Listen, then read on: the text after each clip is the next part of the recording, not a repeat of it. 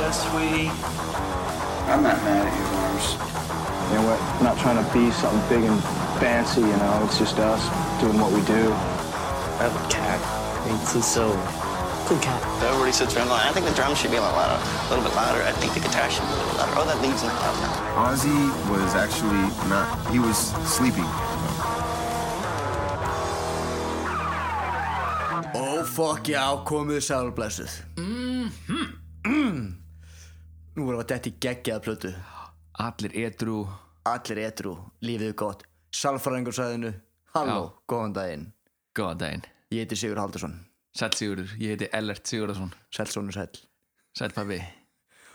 Núna er það. Já. Stangarinn, Já. seint engar. Þetta podcast er í bóði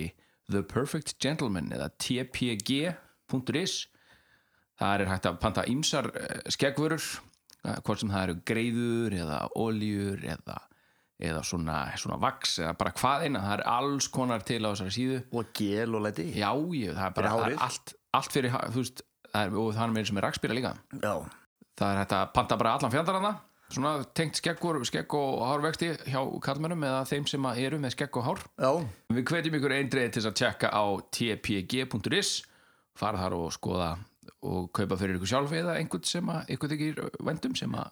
vill eitthvað skemmtilegt í skeggið eða hárið Þú vilt ekki vera í keilu, í störtum ból og þau er að kveikja á hérna ljósunum hana. já, út fjólblá ljósunum Útflöf ljósunum. já, úff Og þau sjá flösun á bólveginum, Nei, skegg guð mig góður, sko, ég er með ég, ég, það er smá disaster á mér núna, ég Nei, verð að ekki veikina það meira. ég, ég, ég glimti að setja Bara, móli þú núna veist- síðast Já. það er smá, það vottar aðeins fyrir þessu þetta er fljótt að koma ef maður um skegg Já. tpg.is, tjekkið á þessu Gott fólk. tpg.is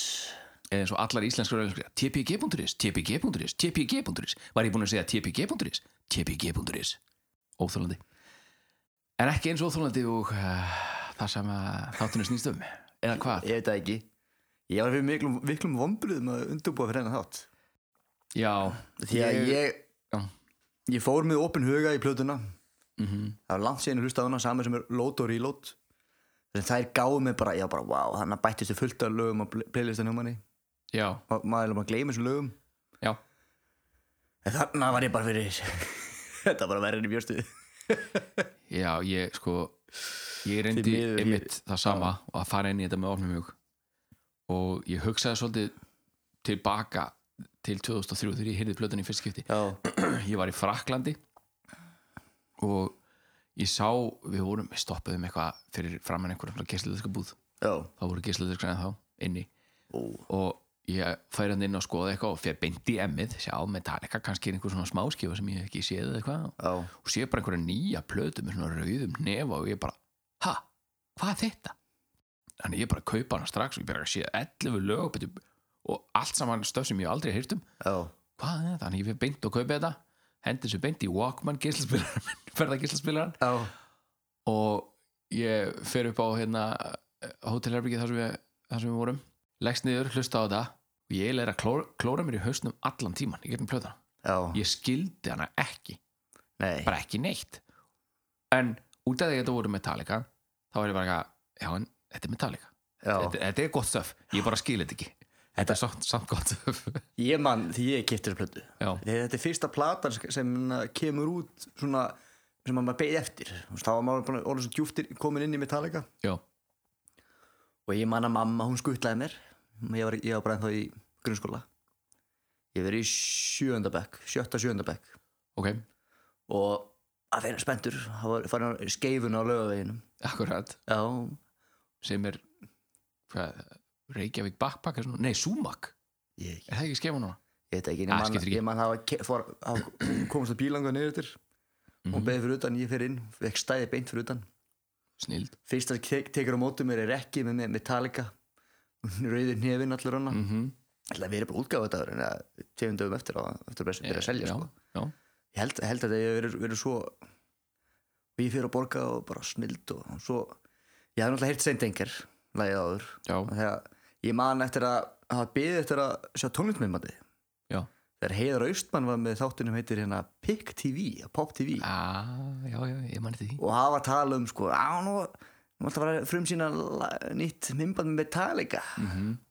og stá, svo að tala um það í skólanum á, Metallica já, alveg svo beigð maður hana horfði á okkur lögum Limp Bizkit og Linking Park og svona alls konar meira drasli og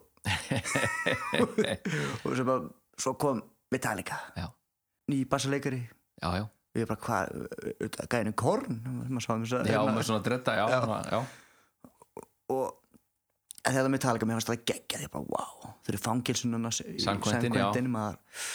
þetta var bara, úf, Ma- geggjað já, það var rosa, það var rosa hæpa sko, það var Já. hérna, þeir hérna fóru þannig inn og sko ef það hefðu komið upp einhver uppþótt já, þá lögganir minn hérna, sem sagt bara zero tolerance policy, það er, þú veist, þeir semja ekki þú veist, Nei. ef að Metallica hefur verið teknir í gíslingu já, þá hefðu löggan ekki gert neitt til þess að frelsa það er nei En þú veist, það- hefði ég verið fangið hana já, og ég heilt að spila þetta lag, ég hef tekið og verið haldið upp þátt sko alveg brjálæður nei, nei, en en mér, mér veist það var svolítið mikið gert úr þessu bara, vá, það er svo miklu töffara sko, fyrir minni maximum security fangilsi þannig já. þannig að við erum að taka Taka- risa áhættu taka svona Johnny Cash á þetta já, hann ætlaði kongurinn í fangilsum já, já, akkurat en, En- hann er svona bubbi okkar íslendinga eða bubbi þeirra bandarækjaman allir heldur eða er bubbi Johnny Cash okkar íslendinga veit ekki, ég veit það ekki en, bubbi er rosalega mikið okkar íslendinga, hann er Johnny Cash hann er Bob Dylan, hann er smá John Lennon smá Johnny Rotten Jo- smá Johnny Rotten, það er alveg klart mál já, ég man eftir að sett plötun í Mhm. maður er bara spenntur og frantik maður frantik, ég er svona, já, þetta er gott, þetta er cool, þetta er cool þetta er Metallica, þetta- þetta er Metallica þetta er, með- veist, mér fannst þetta geggjuð platan ég var bara svona, eða, ég laugði það sjálfum mér held ég meira, já, ég líka og svo kom ég heim hlusta á þetta og horfði á DFT diskinu sem fylgdi þessu og ah, ég veit það ekki, hellert það Nei, var, þetta er rosalega erfitt já til meldingar og maður var, maður var lengi sko, það leið ekki fyrir svona já það, maður var ekki lengi að setja Black Album og aðra blöður ekki eftir Nei, bara svona til þess að fyrirgefa þeim almennilega já það var ég maður bara eins og sumar eftir á eftir þetta þá fæ ég live shit Ú, þá var ekkert aftur snúið að, nei, wow sko. að hérna að setja seint engar í það ekki sko ég held ég ekki sett ég held ég bara hlusta á hana fyrstu, fyrsta árið Já. mér finnst coverið alveg cool Kára, mjög cool stapa sér rauðin hefi og ekkert annað hann, að- hann, Það var einmitt hannað af Brian Schröder Já. Eða Schroeder Það eru- Þetta er örgulega Brian, Brian Pushhead. Schroeder. Pushhead Schroeder Já, sem búin að hanna m- mikið frá, frá Justin Timberlake eins og hérna hérna Sabatrú bólin já er akkurat smá skýrðum. Hann búin að hanna mikið fyrir það En hann hafði aldrei hannað plötuumsla fyrir þannig nei hann er smáskifumslög Já, hann á smá skýrumsla Og eitthvað aðeins á Justice sem sagt plötunni já sem sagt, eitthvað, eitthvað sem sagt i- inn í plötuumslæðinu sjálfur þegar það fletti gefna Það var, það var uh, eitthvað af hérna, hans teikningum ekki, ekki Andrea Serrano Nei, nei hún- er, þú eru sem betur fyrr Þannig að skilja við hann já Hættir að setja á sig eyeliner og eitthvað já en hún var tekin upp í mæ 2002 Já, og alveg til apíl 2003 Já, það var nú það var nú eitt sjö mánuða atvik sem að já olli því, hann það var Papa James já hann í þessu upptökuferðlið þá verið hann í meðferð já, og eftir að hafa verið að rífast við Lars, já en allavega setur Songkanda Monster upp þannig að hann fer út skellir hrunum eftir sér, svo kemur hann ekki aftur fyrir hann í desember, það er sko í april sem hann skellir hrunni, og þeir, þeir voru búin að leigja hann eitthvað gamla herstuð já, eða svona, Presidio Mhm. já, The Presidio og það var, var að gefa út demo The Presidio demo, Sessions. sessions já, það sem þeir eru nýbúna tónleikum með Sigurós já, og það er fyrsta leið heitir Echo Chamber eða ekki já þá var það að jónsa yfir sig alveg þeir eru á Jón Sæbjúksunar sko. já, hérna, já, það má finna þetta á til dæmis YouTube já, Já, þetta heyra, þetta, heyra þessi, þessi demo, ég ætla ekki, að- ég ætla ekki svona að kalla þetta lög Þetta eru bara demo já, sem betur fyrir já og hérna þá var Jason að fara inn hana Já, Jason fór snemma árs 2001 já, það var bara janúar eiginlega, þeir hittust þarna rétt eftir áramót Já. á, á einhverju hótel, Four Seasons hótel held ég og hitt, þá var ég mitt sálfæringum með Já, þeim. Phil Toll Phil sem, Toll. Að, sem að var víst búinn að vinna með einhverjum hérna Super Bowl eh, sigurvegara liðum og eitthvað og, og fekk mér þess að sjálfur svona ring sko, svona, þeir fáðu fá svona rísa championship ring sko Jo- og Jason kemur inn á fundin og bara eitthvað, hver í fokkanum er þú og hann, hann útskýri hver hann er og hann svona hjálpar liðum og svona, rosalega successful fólki að, að vinna saman betur og, og, og segir svo ég, og bendir svo ringin já, og Jason er bara eitthvað mér er skýt fokkin sama rullaðir út mér var svo gott að sjá Jason segja þetta já, en hvort, þú veist, náttúrulega, það var náttúrulega hans hlið af Já, sögunni, já. hvort þetta gerist í alveg við vitum það það ekki, ekki, nei en ég veit ekki, ég elska Jason já, ég, og það Þeir þannig- sem elska ekki Jason með að fokka sér Já, ég segja það bara hér og nú Já. Ef þú elskar ekki Jason, þá máttu fokka þér hann er, mér finnst hann, hann gerir rosa mikið fyrir Metallica Já, hann, hann hjælt þeim lifandi í Já. þessi 15 ár eftir að klufta já, þú veist, já, já, hann heldur þú veist, hann orkan hans sem hann komið inn í bandi Já, ég er að segja það já, Ég er ekki að segja að hann hafi haft einhver völd nei, Hann Líka var bara- bara svo Hann var bara, hann var 100% Alla, alla leiðina Þú veist, hann hann var aldrei minna Það er ekki takt að gefa meir en 100% Hver sá sem segir það er bara að ígja til þess að mm, ég veit ekki, ég lát slítið út. Alltaf að gefa 110% Já, ok, fínt Ég tek það einhvern annan með mér En hann var alltaf í 100% já, já, Alveg saman hvað þau voru að gera Meiri svo síðasta kikið hans þegar hann vissi að hann var að fara að hætta Já. Þegar þið tóku hann að feitu black og það fyrir eitthvað VH1 dæmi já Ég man ekki alveg hvað, þetta var utan þeirra já, voru eins og einhverju bílastæði eða eitthvað Já, og hann var með svona beanie húfu já, og eitthvað Hann var samt, hann var samt að gefa þér allan í þetta já, já, hann gerði það og var ekki Echo Brain sem, sem var projekt sem vildi hann Jú, var að vinna að okkur projekt og Kirk Hammett kom eitthvað að- að því líka já, hann var eitthvað bara aðeins fýblast með þeim en Já. en hann, hann tók ekki mikið upp en Hetfield var ekki hrifin að þeim enn voru að Nei, hann var, þú veist, það var bara svona hann okkur derti í Metallica eða eða ertu ekki í neinu já og Jason vildi fá að sem sagt koma sínum sko lögum sem hann hafði samið á Já. plötungustar en hann vissi alveg að hann gati ekki verið að fara að keppa við James Hetfield nei, og hann ætlaði þeir, þar alveg bara ekkert að gera það nei, nei, og sem hefði bara auðvelda þeim skilur starfið og James vildi það ekki Sest, hann var búin að sína Q-Prime uh, stöfið sem að hérna, Echo Brain voru búin að semja og þeir eru bara, já, það er flott herri, við bara sænum ykkur og við gefum ykkur út það Já, er bara já. geggjað nei, James vildi það ekki nei, nei. þú ert í Metallica og bara Metallica og ekkert annað Nei. og ef þú, ef þú ætlar að vera í einhverju öðru líka þá getum við gert ráðstafanir já, já, arrangements can be made já hann sagði þetta áður en þið fóru í hérna VH1 Black Album Classic upptökunar aha já, Vá, wow. pældi ég þurfa svo að vera svona ógæslega hress og Já, bara, já. já, mannstu við Black Album, það gekk já Úff, nei, þetta er svo verið svona myrkur tími á James líka hann var svona, já, James náttúrulega var að missa sig upp í drikkinni svolítið meira, held já, ég og eins og hann hefur marg útskýrt seinna mér þá svona lærði hann að ef þið þykir vænt um eitthvað þá bara kreistur alla ástina úr því bara þang til að drefst Já. Sílur, nei, já, þið leiðu hann þess að í Presidio já, þessa það átt, herstöð átt að vera þeirra upptöku staðir Já, en svo alltaf þegar James verið meðferð þá farið þessum annan stað Já. í, sem er, er í dag er ekki svona Metallica HQ jú, akkurat sem hafa tekið upp allar plötur síðan stútfullt hérna, af uh, fánum allstaraður heiminum, svona Metallica fánum einhver svona, þú veist, eitt frá Ítalíu hérna og annar frá Austuríki þarna og eitt frá Perú og eitthvað, Já. alveg þannig kom fullt af ný, stöfi svo kom nýr bassaleikari hann Já. Robert Já, ekki Roberto, Robert, Robert Rock Robert Rock, já, Það er, það má eiginlega segja að hann hafi verið bara svona session bassalegari, já, hann var bara ráðan til að spila bassa þarna, já. hann tók reynda með þeim tvö eða þrjú gig Tók? svona surprise gig sem voru ekki auglýst Nei. gikk á svona, göm, á svona gömlu hérna klúpum Já, það var hann að spila og svo fyrir utan bílastæði Oakland Raiders akkurat var og ekki- hérna, hérna James var eitthvað að tala um það í Some Kind of Monster hann var svona að segja að Bob, bara- Bob var eitthvað að spila á bassan og ég horfði á hann og hann var að brosa svo mikið ég, ég, ég, ég var ekkert nú ánægð með það þetta er metal og þetta er ekki að brosa Bob Rock var svo ánægður að fá að spila á sviði og það var gaman sko. já, já, en hann, ég held að hann hafi ekkert verið eitthvað með einhverjar hugmyndir um það að hann, hann væri í bandinu Nei. það með alveg að hann væri hérna,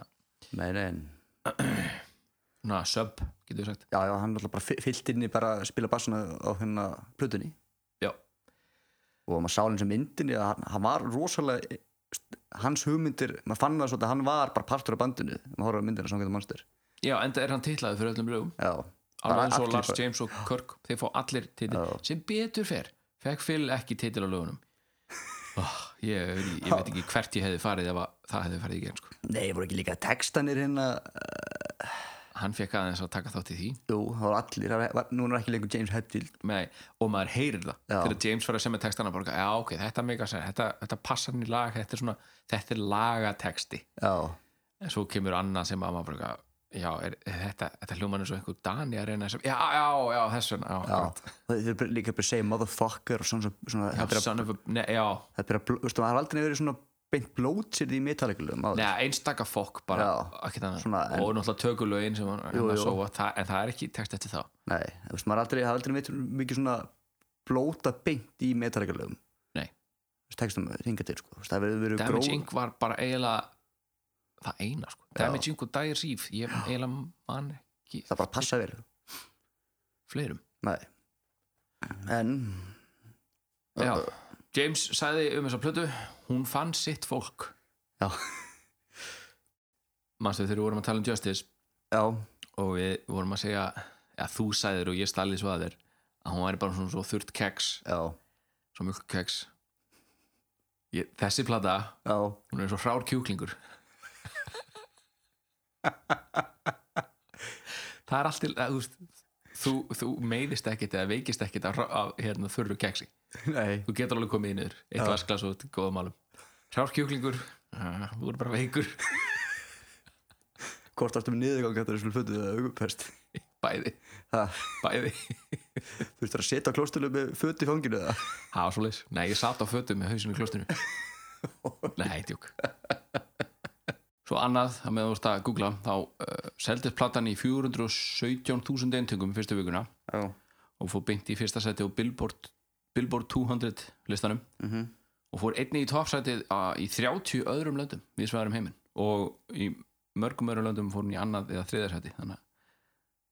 það voru, það voru greinlega margir sem að voru búin að fyrirgefa þeim load og reload já það var verið að reyna á þólrifin hjá alls mörgum hann Ég hugsa það Herru, þú varst að googla sem er Já. Grammyjólun Þau vinna 2003 Bara fyrir best metal performance Saint Anger Já, ég meina metallin snýst um að fara ótrónað slóðir, slóðir þeir Já, já. náttúrulega Lars En plata ásins var Outcast Kast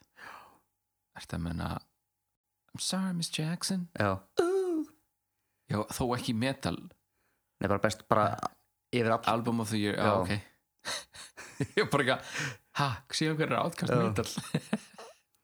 Minna, Josh Já. Harrison vann pop instrumental performance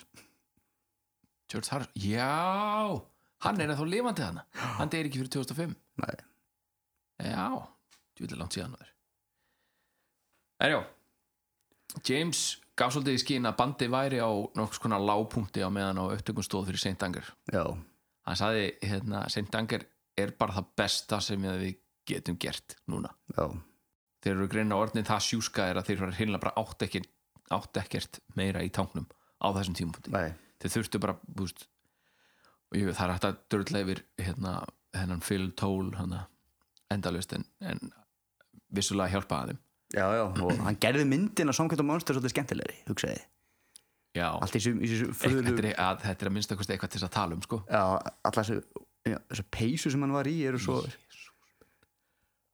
og það er eins og þegar einhvern veginn körk átt að ammali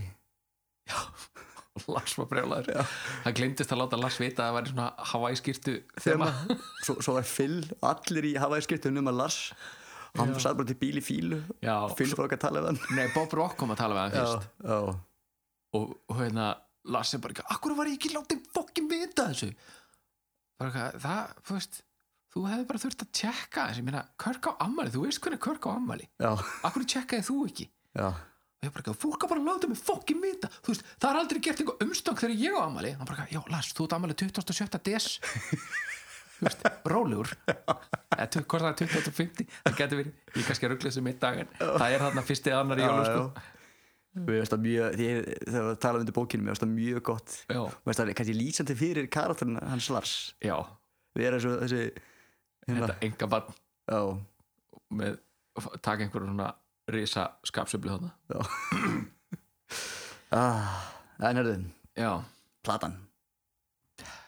Ef að Fyrst- við- ef að Fyrsta tempóið lagið þetta- Það er að frantic Já Herru, við hendum okkur bara beint í þetta Já, Lag nummer 1 alveg eitt Byrjunin, hún lofa góðu Hún er Já, mjög kúl já, hún er mjög kúl Þetta er svona blanda af Creeping Death og, og, og byssukablanum í One Já, pínu. en talandi um byrjunina -hmm. Mhm. Þú sem svona faglarður trommari Jú, Ellert, jú, aðeins og hvernig finnst þér um þessu byrjun og heyri strax snerilinn er ekki slögt á sjálfu hérna þessum stál hérna Jú, undir- það hérna eru svona- kúlur svona Já, á reypi ég ætla að farið yfir þetta bara en snögt og ég get Já. þá, sem sagt, þetta hljóð sem kemur úr sneriltróminu sem er tróman sem er svona beint fyrir framann trómuleikar hún liggur Já. svona flöt bara í mittisæð Já. fyrir framann trómuleikaran í lang, lang, lang flestin tilvöku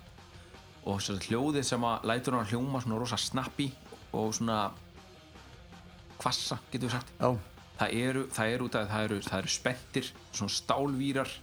allt frá svona allt frá 12 og upp í sko 20 stykki já, rosalega þunnir vírar sem eru, sem sagt, sem eru uh, húkkaðir upp þú ert með svona sveif á hliðin á trommunni og þú getur húkkað þá upp eða tekið það af Já. þá getur hérna, hljóðið farið úr svona ka, ka, yfir, og ef þú tekur svo sveifina niður og tekur þetta af þá er það gung, gung þetta er bara, maður valla trúir í sko, nefnum og sjáir þetta og heyrir þetta á sama tíma að þetta sé sama tromman já, en Larsens glemdi því í einhverju, einhverju einni töku að setja snirlinn á já sest, setja sveifin á og setja výrana þá af botskinn og hann var bara eitthvað, já, þetta er rosa hrátt og cool og eitthvað og þannig að þeir bara sleftu því á í langflestum tilfengum stundum er hann sko á plötunni þá var hann með, ba- hann með það on og off Já. það er svona að, að skiptir um þetta já, er rosa skrítið Já En þetta er að frantik Þetta er að laga á plötunni sem er búin að spila mest oft live Já. Já. Til dæmis spilaði hann í Íslandi 2004 já, akkurat, þú sagði það Já, og það er bara skiljanandi, ég sko Já. ég, ég hef Þetta- ekki drúsa mikið á móti þessu leik Nei, ef þetta- ég er alveg hinskilin sko Það eru partar í því sem ég, ég er nú græla Skal við ekki það En það er, þetta, Já. það er ekki Þetta er ekki eins vond og sum lögin af Nei, Lót og nei, nei, Rílót nei. finnst mér En að því að það er, það er hérna Hvernig hann syngur Þegar hann Þegar hann Þegar hann er að svona Þegar hann er að fara að rembast upp eitthvað sko Já, Þannig að mér finnst það er eins og Það er eins og sé vond fyrir hann að syngja ég puntaði þetta hjá mér Hann syngur eins og hann sé að herma eftir sjálfum sér Já Forðum daga sko Hann er svona að herma eftir því hvernig hann var svona rétt eftir svörtuplöðuna En þá með þetta, þetta, þetta hennar raspi hálsunum eða svona þetta, svona, eh, þetta öskur söng sem að bara Hetfield gatt gert nokkuð tímann En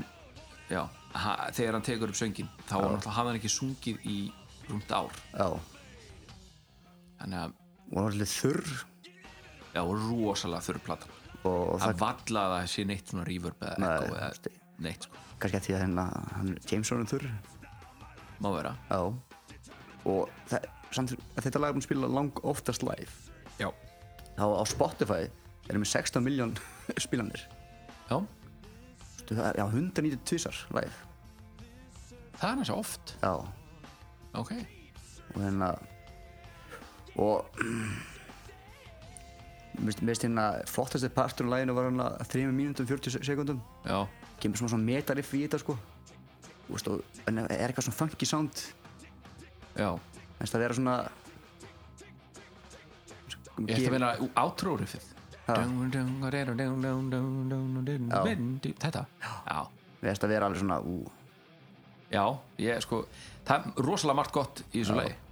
En bara hljóðblöndunin strax í svona pínu svona skemmir fyrir já, ef, þessi plat, ef þetta lag hefði verið svo Death Magnetic já, ég veit það ekki mixa þannig en ég hugsa textin sko einn partur í þessu lagi sem- if I could have my wasted days back will I use them to get back on track stop the war at karma's burning or look ahead and keep on turning Þetta er, ég hugsa þetta sé Hetfield Svolítið, já if I could have my wa- wasted days back hugsa svona þá dagar sem maður bara ætla á sneppanum eða Já, það er líka eitt sko, hann syngur uh, allur textin er á svona á, á offinu, eða þú veist Já. sem sagt, ef ef þú hérna já, nákvæmlega na na na na na na na na Já. na na na na na na na na na Já, en það átti ekki að vera þannig hann gerði þetta svona það- þeir voru bara svona okkar fýblast að reyna og svona að finna eitthvað svona cool til þess að vera með læluna Jó. og hérna Bob Rock segir bara, herrjú, það er eitt, eitt svona svolítið cool sem hún gerir hérna þú hérna, fór svona off við hana Já. og þá kemur eitt sem er búið að sapla alveg ógeðslega mikið og gera grína Bob Rock með þá, ke- þá sagði hann bara ziru, dittu, bittu, dittu, dittu og svona, svona skatt, svona jazz eitthvað svo alls ekki metal en, Nei. en þú veist, hann var bara að reyna að sk- lá- lá- fá James til að skilja hvað hann var að segja strax og Já, en svolítið svo frantik viðlæði Frantik, tik, tik, tik, tik Já, mér finnst Mér finnst það Mér finnst það- mér finnst það ekki cool þetta er cool concept þetta er ekki, þetta er ekki eitthvað sem virkar fyrir Metallica en þetta er cool concept frantic, tick, tick, tick, tick. frantic þýðir svona að þú sért svona br- brjálaðislega spenntur bóstaflega brjálaðislega spenntur eða, og, eða tense, Já. skilur ekki spenntur eftir, með eftir væntingu eða neitt sko þú bara, þú ert brjálaður og þú ert að spennast upp Já, og tick, tick, tick, tock, tick, tock þú veist, klukkan er að tífa og þú ert að spennast upp já ég þetta skil- er, Ég skil ekki hvað þetta lag ekki notaði ykkur svona TikTok myndbundum Ha, Já uh, Já, herrið, það, hey, það er þið bara til betrunar TikTok samfélagsmiðilsins sem hafa það alveg á hreinu Já. en ég er bara að segja þetta, ég er gamall og hrukkatum kall sem Já. skilur ekki nýju samfélagsmiðluna það er, ég- ég, ég er svo sem ekkert að móta þeim þannig nei um, riffið sem að hérna, kemur á undan erundunum Já. er mjög kúl líka Já, það er hérna um, það er svona það eru hæðir og dalir í svona, í svona lagi my lifestyle deters my death Já, style þegar þetta kemur í síðasta skiptið Já. það kemur þetta, my lifestyle, svo ke- heyrir svona birth is pain, returns my death star my lifestyle, life is pain returns my death star, my lifestyle death is pain, it's all the same það er sem sagt, uh, ég held að það heiti The Tibetan Book of the Dead Já, sem að Kirk var að lesa að að hann segir, hann er að kvísla hann inn á milli birth is pain, life is pain death is pain, it's all the same já mér finnst það cool Já, mér finnst það svolítið- svolítið emo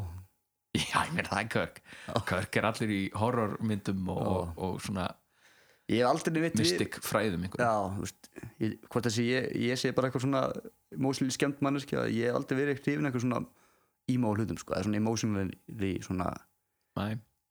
svona, eitthvað, svona smá þegar ég, upp- fi- því ég finni þessu sjöku sjálfsvorkun í gangi já, þá er það rosa mikið sá- fráhrindandi fyrir mig sko. já En þetta er náttúrulega ekki sálsorgun Þetta er bara þetta, hérna, þessi, þetta Book of the Dead dæmi, það, er bara, þetta er, það verður bara að tala um lífs, svona sagt, lífsgönguna Já, ég, ég, hérna, ég, ég, Birth ég, is pain, life is pain, death is pain It's all the same já, ég er ekki þann þann part heldur svona, Nei. bara textin hildina á þessu lagi sko. Já, My lifestyle, determines my death já style það, það, ég get ekki trúa því að það hafi komið frá James Nei. My lifestyle determines my death style það, Þetta hljómar rosalega eins og Lars hafi Já, en það er kannski bara út af mér finnst þessi texti lélugur ég segja Lars að við sama ég veit það ekki oh, delete that delete that oh, Torben, hvar var Torben akkur gæti hann ekki verið bara alla plötuna oh. no, I don't like that Oh. If I was your advisor, I would say delete that. delete that, svo gott sko Þurftum að rétta svona soundboardi á Torben. Delete that. já, nákvæmlega Herru, mástu, ég talaði um hérna Loudwire lista yfir öll Metallica-lög Já, þessi listi er reyndar eldri en 2016 þannig að já. hérna um, Hardwired lögin er ekki á honum Nei, en þau voru 115 lögin Já. fram að þessu já. og Frantic lendir í sæti nummer 42 Já, fyrir ofan sko alveg þó nokkur klassik Metallica lög sko ok. en ég hef svo sem ekki mikið við þetta lag Nei. þetta eftir með eitthvað meira Nei, ég ætla bara að fara í kaðalsku kirkjuna. Káskirkina Já. Og láta prestana kíkja á mig. Sera Reyður? Nei, ekki Sera Nei. Heilagur Reyður, samt í Heilagur, Reyður Samt í reyður. Já Reyður, Reyður Rey, ekki E Reyður. ekki samt í Reyður Jú, það er- það er flott að... Say dick Já. Herri, lag nummer tvö Já. Dembum okkur í þetta Titill lagið Já. Þetta er uh, aftur skemmtileg byrjun Já. og ef, eftir ég var búin að heyra fyrstu tvö lögin þá er ég bara eitthvað, ok, þetta voru geggjum plata Já. þú veist, eh, fer sem horfir Já. aftur skemmtileg, eða þú veist, byrjunin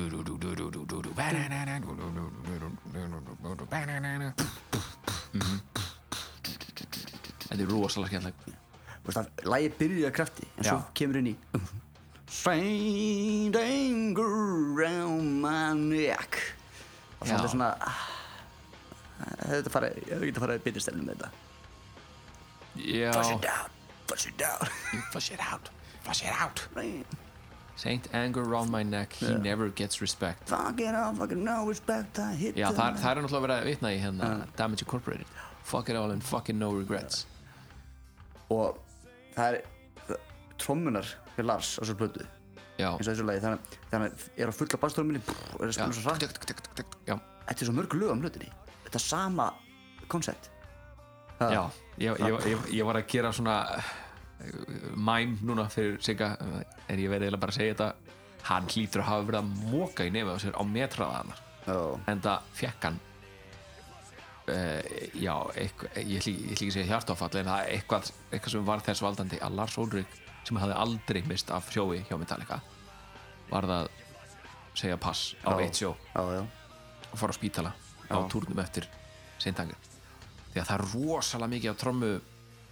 trommupörtum í á þessar plötu sem mamma bara gaf hva, hva, hva,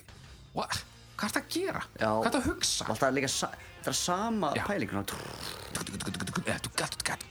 þetta blastbít sem hann er og með svo heisa hátt í þeim líka já það heyrist miklu hærri trommunum en öllu öðru já, og það var kannski það var kannski út af því að James Hetfield notur, sem partur af hérna, afvöfnuninni Já. var að sem sagt læra að hleypa öðrum að og vera, þú veist, þó þú er að hugsa um sjálfa þig þá þá líka að geta, þú veist, fungera með öðrum já, hann mátti líka bara vinna frá 84, nei, nei, nei, nei, 12 til 4 12 til 4 fjóri tímar á dag fjó, já, fjó Já. ég er að Ég veit að það eru 84, það, þeir hefðu örgulega tekið það í sa- bara sátt á núleitni sko. já, en 12-4 og og það mátti engin vinna í plötin Nei, eftir það hann mátti var- enginn einu svona hlusta á lögin sko. nei, Það finnst mér sem mér pínu og ósangjöð krafa Já. sko. að megi ekki einu svona hlusta en það er hérna tókur ég vildi þessum Lars öskraði fuck á hann Já. og í, í sko, andlita honum hann var 2 cm frá nefun á honum sko. hætti það var svona, var, reyndi að halda kúlunum eins og hann gat og með myndaðalar kringu sig og Já, og það körkriði alltaf svona innan við ykkur svona diplomati já Það er líka áður en að James fer í meðferð þannig að í myndinni þá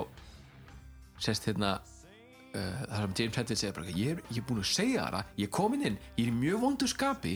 og það eina sem þú gerir er að reyna að pota í mig og fá mig til þess að vera eitthvað reyðari og Lars segir eitthvað, ég man ekki alveg hvað það var og bara eitthvað, hún segir bara eitthvað þarf ekki að vera svo mikið dick og þá, þá setur Körk í alvörunni bara hérna lófan á sér á enni bara oh, oh, það eina sem ég hefði getað gert þetta verra var að þú myndi segja nákvæmlega þetta og þá ge- þá gerði hann þetta og James pjú, beint í meðferð Já, svo myndi að sjá Körk bara eitthvað, oh Lars, hvað er það að bæla ég veist að hann er smá, smá hetja, hann Körk, komum við komum að því sko. já, Vera að, ge- að þóla, geta verið með þessu tveimur í bandi bara. nákvæmlega Og, líka James sagði sko þegar hann var að heimta að engin myndi hlusta að vinna í lögunum já, þá sagði hann bara ég, þú veist, ég vil ekki vera að koma inn inn og finna bara tónlist sem að ég hjálpa að semja það, hún er búin að taka bara á sig alltaf aðra mynd og það er bara, þú veist, bara vin- vinna hana á þess að ég þú veist, fá neitt um það að segja og þá sagði Körk svona pínur svona hljótt bara eitthvað að það er búið að vera ég síðustu 25 ár og ég var bara eitthvað mm, damn, Körk er aðeins svona Já, já. aðeins farin að stíga fram og svona bara eitthvað hei, ég er búin að þurfa að þóla hérna hérna, allt helvítis vesinni frá ykkur í 25 ár sko. 25 ár þetta er svo í gott dæmi í bókinni þar sem minna hann Mick Wall já, talar um að hann og Körk náðu mjög vel saman já, og hérna hann, hann hittir Körk í, í hótelinu sem voru að spila eitthvað í Flórit held ég eitthvað júlinn já, og hann okkar, hvað er sæll og hann segir, já, já, Körkunum báður græmitisættur og svona stónerar og já, svo lappar Hetfield inn Já, og, og þau eitthvað, hann eitthvað, hvað líkt þetta? Æ, við setjum hérna lavendurolju. Já. Eitthvað, já, flott og... svo fær ég liftur og kemur Hetfield inn Já. og, og svona að breytist múti Hetfield og svona, hann segir bara, finnur bara, það er svona hostile, bara, bara hans Já. varnar, bara Nákvæmlega. vörn var bara að vera menn og vera svona aggressífur og svo fyrir mig góðleikar svona með góður, "Hey, hvað segir, hvaða lavendur er svona, Körk bara, svona, horfður á hann svona, nei, nei, nei það er bara, við skulum bara tala um að veiða og horfa á amerískan fótbolta James svona horfur svona á mig svona, hvað djú- þetta er sérst í bókinni Enter Night já, þetta var þetta er svolítið lýsandi hvernig Hetfield var held ég Já, á þessum árum það sem hann sagði sko Mick Wall segið Hetfield var svona maður sem vilt hafa með on the frontier hann er svona last þannig að utan er þetta svona maður sem hefði átt að vera uppi á hérna vildarvesti tímanum já, að utan en að inna var hann bara eitthvað softi sem var að gráta já og sér það líka í hérna ég held að ég bara ekki Hero of the Day myndbandi þar sem að er hérna þar sem að hann og Jason eru svona kúregar ég og held að það veri Hero of the Day, jú það var Hero of the Day þá sérðu bara hvað, vá, þú veist, þetta er bara eitthvað sem James átti bara inn í skák sko. hann þurfti ekki einu sinni að leita þess að hann vissi nákvæmlega hvað það var já þetta er svona minnbæti þegar þau voru saman Guns N' Roses, Sebastian Bach og fleiri Já. og svo alltaf að syngja Whiplash já, með hljómsveitin Gang já, sem var slangur yfir kokain Já La, þá, þá var James allt öðru sem hinnir Það var bara í köpta skýrtu þarna og Já. blind fullur hinn er kókaðir Já, hann var í svona uh, svona rosa típist kanadískri rauð, rauður og svartri köflóttri skýrtu Þetta er hérna blá og hvít en Var hann blá og hvít? Aha, þeir eru með, í viðfélagsmyndbændur Já, Ó, ég, er- ég hlýta að vera bland ykkur saman Já. í hugunum Já, já, ég trú þér já, En hérna, já, hann breytist mikið á svona plötu hann James eins og Já. til dæmis hann fór í ballettíma hjá dóttusinni já, og svo þegar svo þegar það var ballettími var búinn þá tekur hann og bara oh, I'm so proud of you og gefur henni kossa og eitthvað og maður bara eitthvað wow þetta er öðruvísi ég er, Já. ekki- ég er ekki að setja út á það en, þú veist, hann, hann, hann þurfti bara að verða þú veist, svona, annars já þú veist, það var gæti hann ekki fengið að vera með fjölskyldunum sinni skilju Nei, það sem, eins og þau töluðum það sem var- var gerðið gott fyrir á þessu Lars og James að þeir eignist börn á sama tíma á söpum tíma já, að það hefði svolítið bjargað bandinu að gáttu við á sama tíma ok, við- það vissuðu báðar við þurfum að fókusa á já, þetta var svona svolítið equalizer á milli þeirra já, Þeir, og hann talaði um það þegar hann fór til Joe Rogan hann Hetfield, hann sagði bara eitthvað ef að ég og Lars bara, ef við getum ekki tala saman já, ef við bara, við erum alveg bara, við erum að fara að kirkja konar hann, Mm. þá byrjum við að tala um krakkan okkar og þá bara allt í einu er eins og bara ekkert hafa breyst, við erum bara allt í einu orðnir bræður aftur og bestu vinnir já, já þannig að það- þú veist, það er flott Já Þessi, þessi, sög- og svo Lars sagði sjálfur í viðtali sko, ég- veist, eina sem var samanlegt með þessum gæja er ef um, ef um krakka hann sagði það, já, nánast já, í, já, í dag já. Þess, þegar við talaðu tekið Já. Já, en það, var- það tekið eitthvað 2005, það er viðtal sko. já. en í í dag er það orðin allt öðru sí já, þeir eru miklu líkar í dag held ég já, en uh, það var, já, eins og við mitt stóðan það var vitnað í hérna Damaging með Fuck it all and fucking no regrets svo segir hann I hit the lights on these dark sets það var svona vitnað í tvö daldið iconic lög en, en ég hef ekki miklu við þetta bara, eh, jú, jú ég verða að minnast á eitt hérna í lokin And I want já, já. my anger to be healthy Cookie Monster það var Þetta er Og eitthvað líka sem að kemur öskur sem frá kemur. Phil sko. Þannig að ösk- Já. Set it free og þá kemur sér trömmur Já, and I want my anger to be healthy já and I need Þannig er þessi anger free Þannig er þessi snjóbolti sem er gerður úr gulum snjó að byrja að rúla niður brekkuna ah, já. þetta veist, Phil, þetta var bara eitthvað skrýmsli Já, einhvers konar já Við förum í lag nummer þrjú Some kind of monster Herðu, Já. það er hérna þetta lag Byrj, veist, það lofar góðu þegar þetta byrjar dun, Já. dun, dun, dun, dun, dun. og minnum við ég, ég er búin að kveika snerlun og heyri smá svona Já, það er svona suð Já, suði og svo byrja vel svo bara tapar þetta lag mér já. Gjörsamlega. ég bara, Me, eða, þú veist, en, og lengi vel lofar þetta góð Já. Þetta er bara solid dun, dun, dun. riff svo kemur þetta, þetta lítaða sóló svona Já, nei, ekki sóló, mér er fyrir ekki svona- riff já, já, þessu sem- eins og gítar með bíla magnara eða eitthvað já, Mér finnst þessi gítar hljóma ríka lítla já. ég er ekki alveg að fylgja þetta Nei. og svo kemur riffið aftur du, du, du, du, du. rosa hægt riff en las Já, þetta er hra- ég minn eini sko Já, he- já svo, svo, ég segi heyrist allt á hátt trómunum allt of sko Já Eh, eh, Ég fatt ekki alveg þetta með þetta þessar partar sem maður þurfti að koma inn alltaf eins og, Nei, ég, bara, ég stend fastur á því að hann hafi verið að drukna í kokaðinni á þessum tíma sko. já, eða bara því það getur ekki hann að verið Nei, því þykja ekki þessar hugmyndi góðar. eða þú veist, held ég nema að setja alveg Já, ég, ég kom inn á ekki nefna þess Ég var að tala um að fara að tala um hérna gítarinn hérna Ég sagði oft solo Það er Já. engin heldur solo svo það er engin solo á þessar plötu þetta er, þetta er það sem maður kemst næst rólofi Já og ég held meira að segja að þetta getur verið James sem er að spila þetta en ég veit það svo sem ekki Ég en talandi um James, hann syngur ekki fyrir en eftir tvær mínútur og átta sekundur það eru til poplög sem hafa orðið mjög vinsæl í útarpi sem eru stittri heldur en þetta intro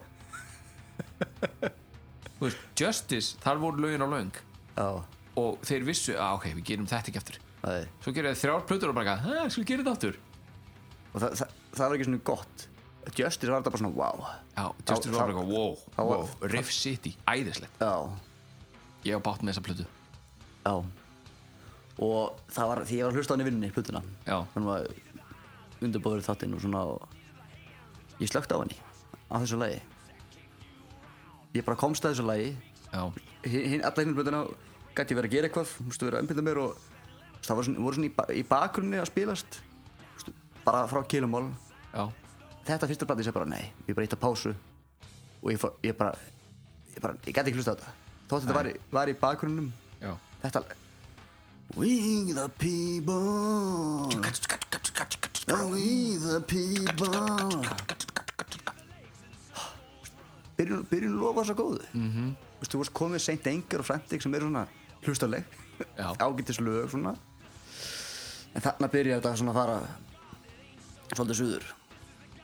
Já, Það Já, ég glinda refna með seint engar það lag hefur fengið 48 mest spilasta lagið á plötunni á Spotify já, 48 miljón spilanir og það er með nummer 53 á þessum láta eðlistar, ég sko það, ég sagði það ekki Songkjöndum Monster, það er 12 miljón hlustanir Meir en mörg lög á lót Svo er það góð wow. Já og er nummer 74 á þessum láta eðlista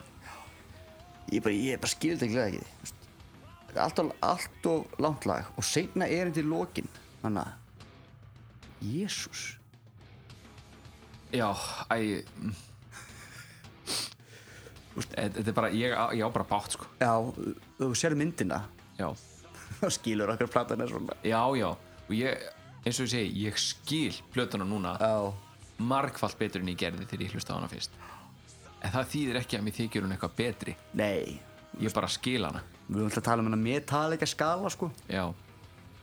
Þannig erum við Nánast öll lögin þarna eru neðst á Metallica skalanum fyrir mig Já, mér veist, þið komist ekki inn á skalan þú veist, Mörg þeirra Þau eru bara á Já Ég, þú veist, ellert, ég bara veit ekki Þa, myndalega Það eru fjögur lög sem að Já. ég myndi segja væru mögulega hærri en einhver af hinnum plötum Já. Bara mögulega Líklega ekki samt Já En títillin af þessu lagi hann kemur þegar uh, hann sést í hérna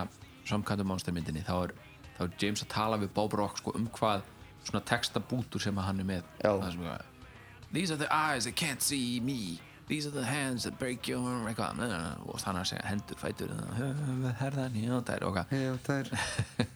Nei, ég segi það nú ekki, hann, hann er að lýsa svona uppbyggingu á einhverju Já, á einhverju svona veru og hann segir, já þetta er svona, ég er svona búið til mynda af einhverju svona Frankenstein eða einhvers konar skrýmsli, some kind of monster segir hann, Já. þar kemur titillin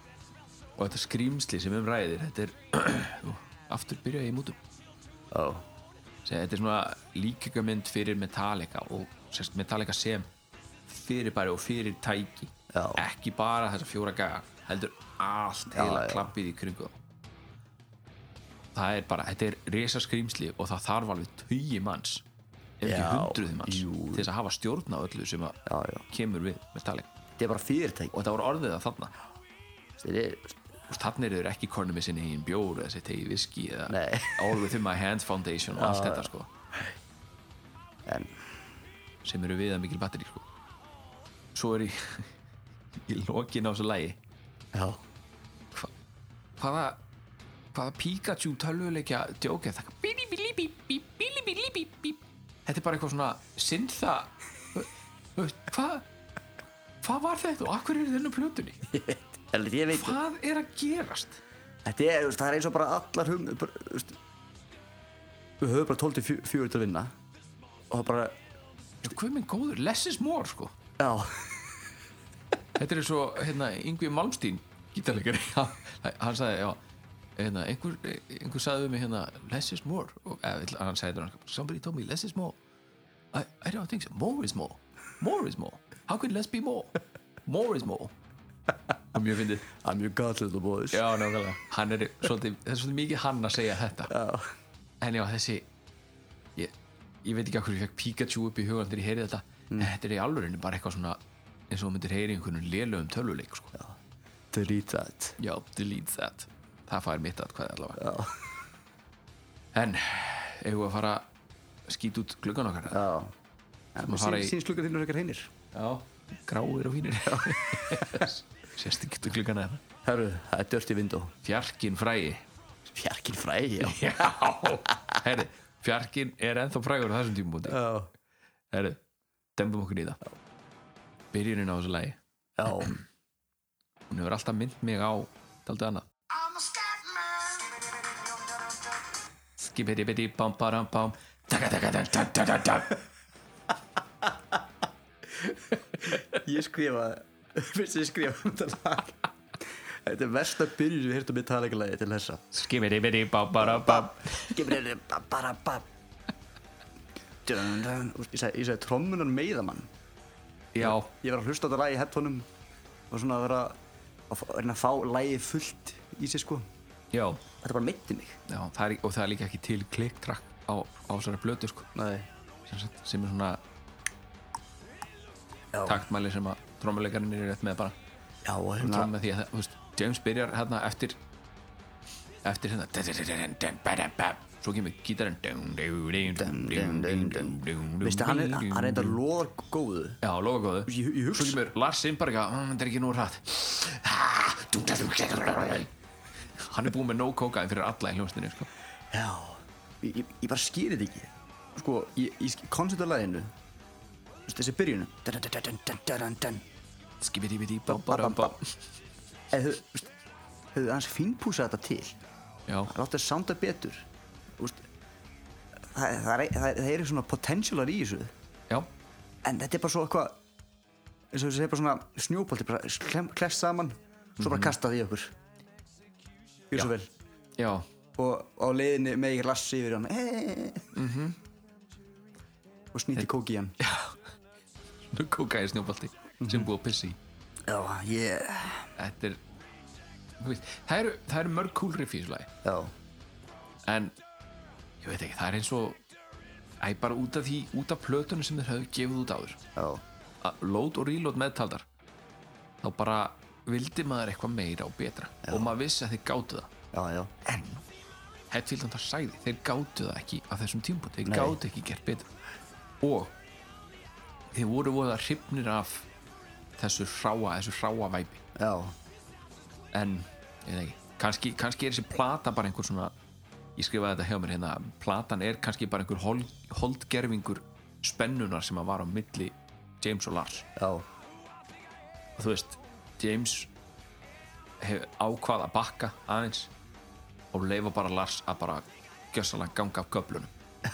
og, se- og svo þegar platan hann komur út að það svona gerist þegar þú ferð að það sérðu, sérðu hvað gerir þér ertu ánaður það meikar alveg lóku til í því sko ég meina þú heyra það, trómmunar eru hærri en allt annað Já. James hefur kannski verið bara eitthvað já, já, hækkaði bara, allt í lagi sjáum bara hvað gerist en, og, eða ekki, ég veit ekki og ætli kannski Bob Rocker hann þreyttur á, á, á þessu að vera að vinna með þeim kannski þegar var að vera Já. að mixa eins og á svörtuplötunni þá var Lars að vilja að hækja í trómanum og Bob Rock bara ekki nei ef þú hækkar trómanum þá heyrist ekki neitt í neinu öðru Já. hundur þannig er Bob Rock verið bara ekki hækja trómanum já Lars minn ekkert mál það það hljómar svo sko fyrir mín að saða kapla I'm judging on you and I'm executioner too Ha, mér finnst þetta cool Protector þetta- mér finnst þetta cool I'm judge and I'm jury and I'm executioner too Já, en ég fatt ekki það Protector sem kemur eftir því sko já I'm ég veit það judging ekki on jury and I'm executioner protector infactor defactor ég veit það ekki Yeah þetta er eitthvað Stæða verið bara I'm judging on jury and I'm executioner too Úúúú, nei Já, já, jú, kannski hefði það verið betra En Æ, þetta, þetta protector, defactor, infactor Þetta er ekki Hetfield texti Það bara kemur ekkert í greina Þetta er Lars Kirk Bob eða jafnvel Phil Jabbi Phil eða Taylor sem var að, sem var að reyna að skúra þeim Taylor? já, Nei Í alvörinni? skúningamæðurinn Taylor Nei, Taylor Tijuana nei, fuck off Sí senjora, ég sé segja Senores Nei, pff, rasismi Kansel Cthulhu kallar Svo í lokin Æ, æ,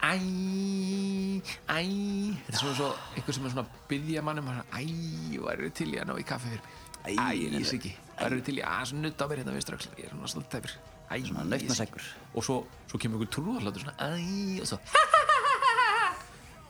Þú veist, hvað hvað er að gerast? Morris Moore More is more, já augljóslega,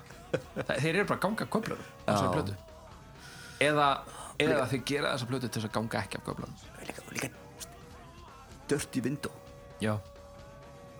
Hva, Hvað fyrir, fyrir úr Welcome Home Sanitarium My Friend of Misery uh, Beating Me Dirty Window já svo þetta er náttúrulega líka fjarkinn fræði já, sem var hérna, Jump in the Fire, ok, kannski ekki ekki besti fjarkinn Æ, en þegar þessi kom, plata kom út ekki leilaðasti lengur því að svo var Fade to Black Já svo var Sanitarium svo var Mhm. Uno svo var Unforgiven Já svo var ekki, var ekki Hero Nei, Nei. það var hérna Until it sleeps, Until it já, já, Sleeps. já, sorry og svo var Unforgiven 2 Tvö. Svo kemur Dirty Window Svona Ég veit hugsa Bubba Morten sem þið gefið lag á ennsku já, Ég ætla að syngja um skýta á gluggan Ég horf út um hérna Dirty Window Geta hugsað um hugsa sem já, Þegar skýtu gluggi er já Ég veit það ekki maður ég hef staðið við gluggan skítuðan gluggan I stood by a dirty window Æ, ég veit ekki, ég, En ég hef ekki mikið við þetta, þetta lag að bæta ég held Nei. að þetta bara að fara í gera okkur ósynlega og fara aftur til fortíðar og vera bara ég krakkar aftur segi bara já Greinlegt að James vildi bara vinna, frá að vinna frá 12 til 4 já, Og hérna Fengur fleiri takkandi í testakirni Ég segi bara Delete that Mhm. það eru mörglu sem fá þá Já. þann úrskurð Er eitthvað krakkin inn í það? ég sé hann allavega ekki, Nei Hei Invisible Kid lag nummer 5 Herru, rétt áðurum við förum í Invisible Kid á, langan bara að segja minnast á hana látvæðir lista aftur mér finnst það bara, eins og ég er búin að segja ég er ekki sammálunum, Nei mér finnst það bara forvitnilegur Já uh, og hérna sem sagt uh, Dirty Window náði sem sagt í sæti 89 á látvæðir listanum Já og Invisible Kid var í, eh, er í 90 öðru Já ég get ekki trúið því en, en allt á Saint Anger myndi færast niður um eitt eða um nokkur sæti með að við Hardwired sko. Já, Hardwired er svo góð plata sérstaklega með að það, þú veist, þetta er 2016, þeir eru orðinni 53 ára þegar þeir gerir þessar plötur sko. Já, James er 53 ára alltaf, hann er fættur 63 En Invisible Kid Þetta er, þetta er 8 mínúta 30 sekundu þetta lag Jöp. Þetta er allt of langt lag Mhm. Og James á þennan texta allan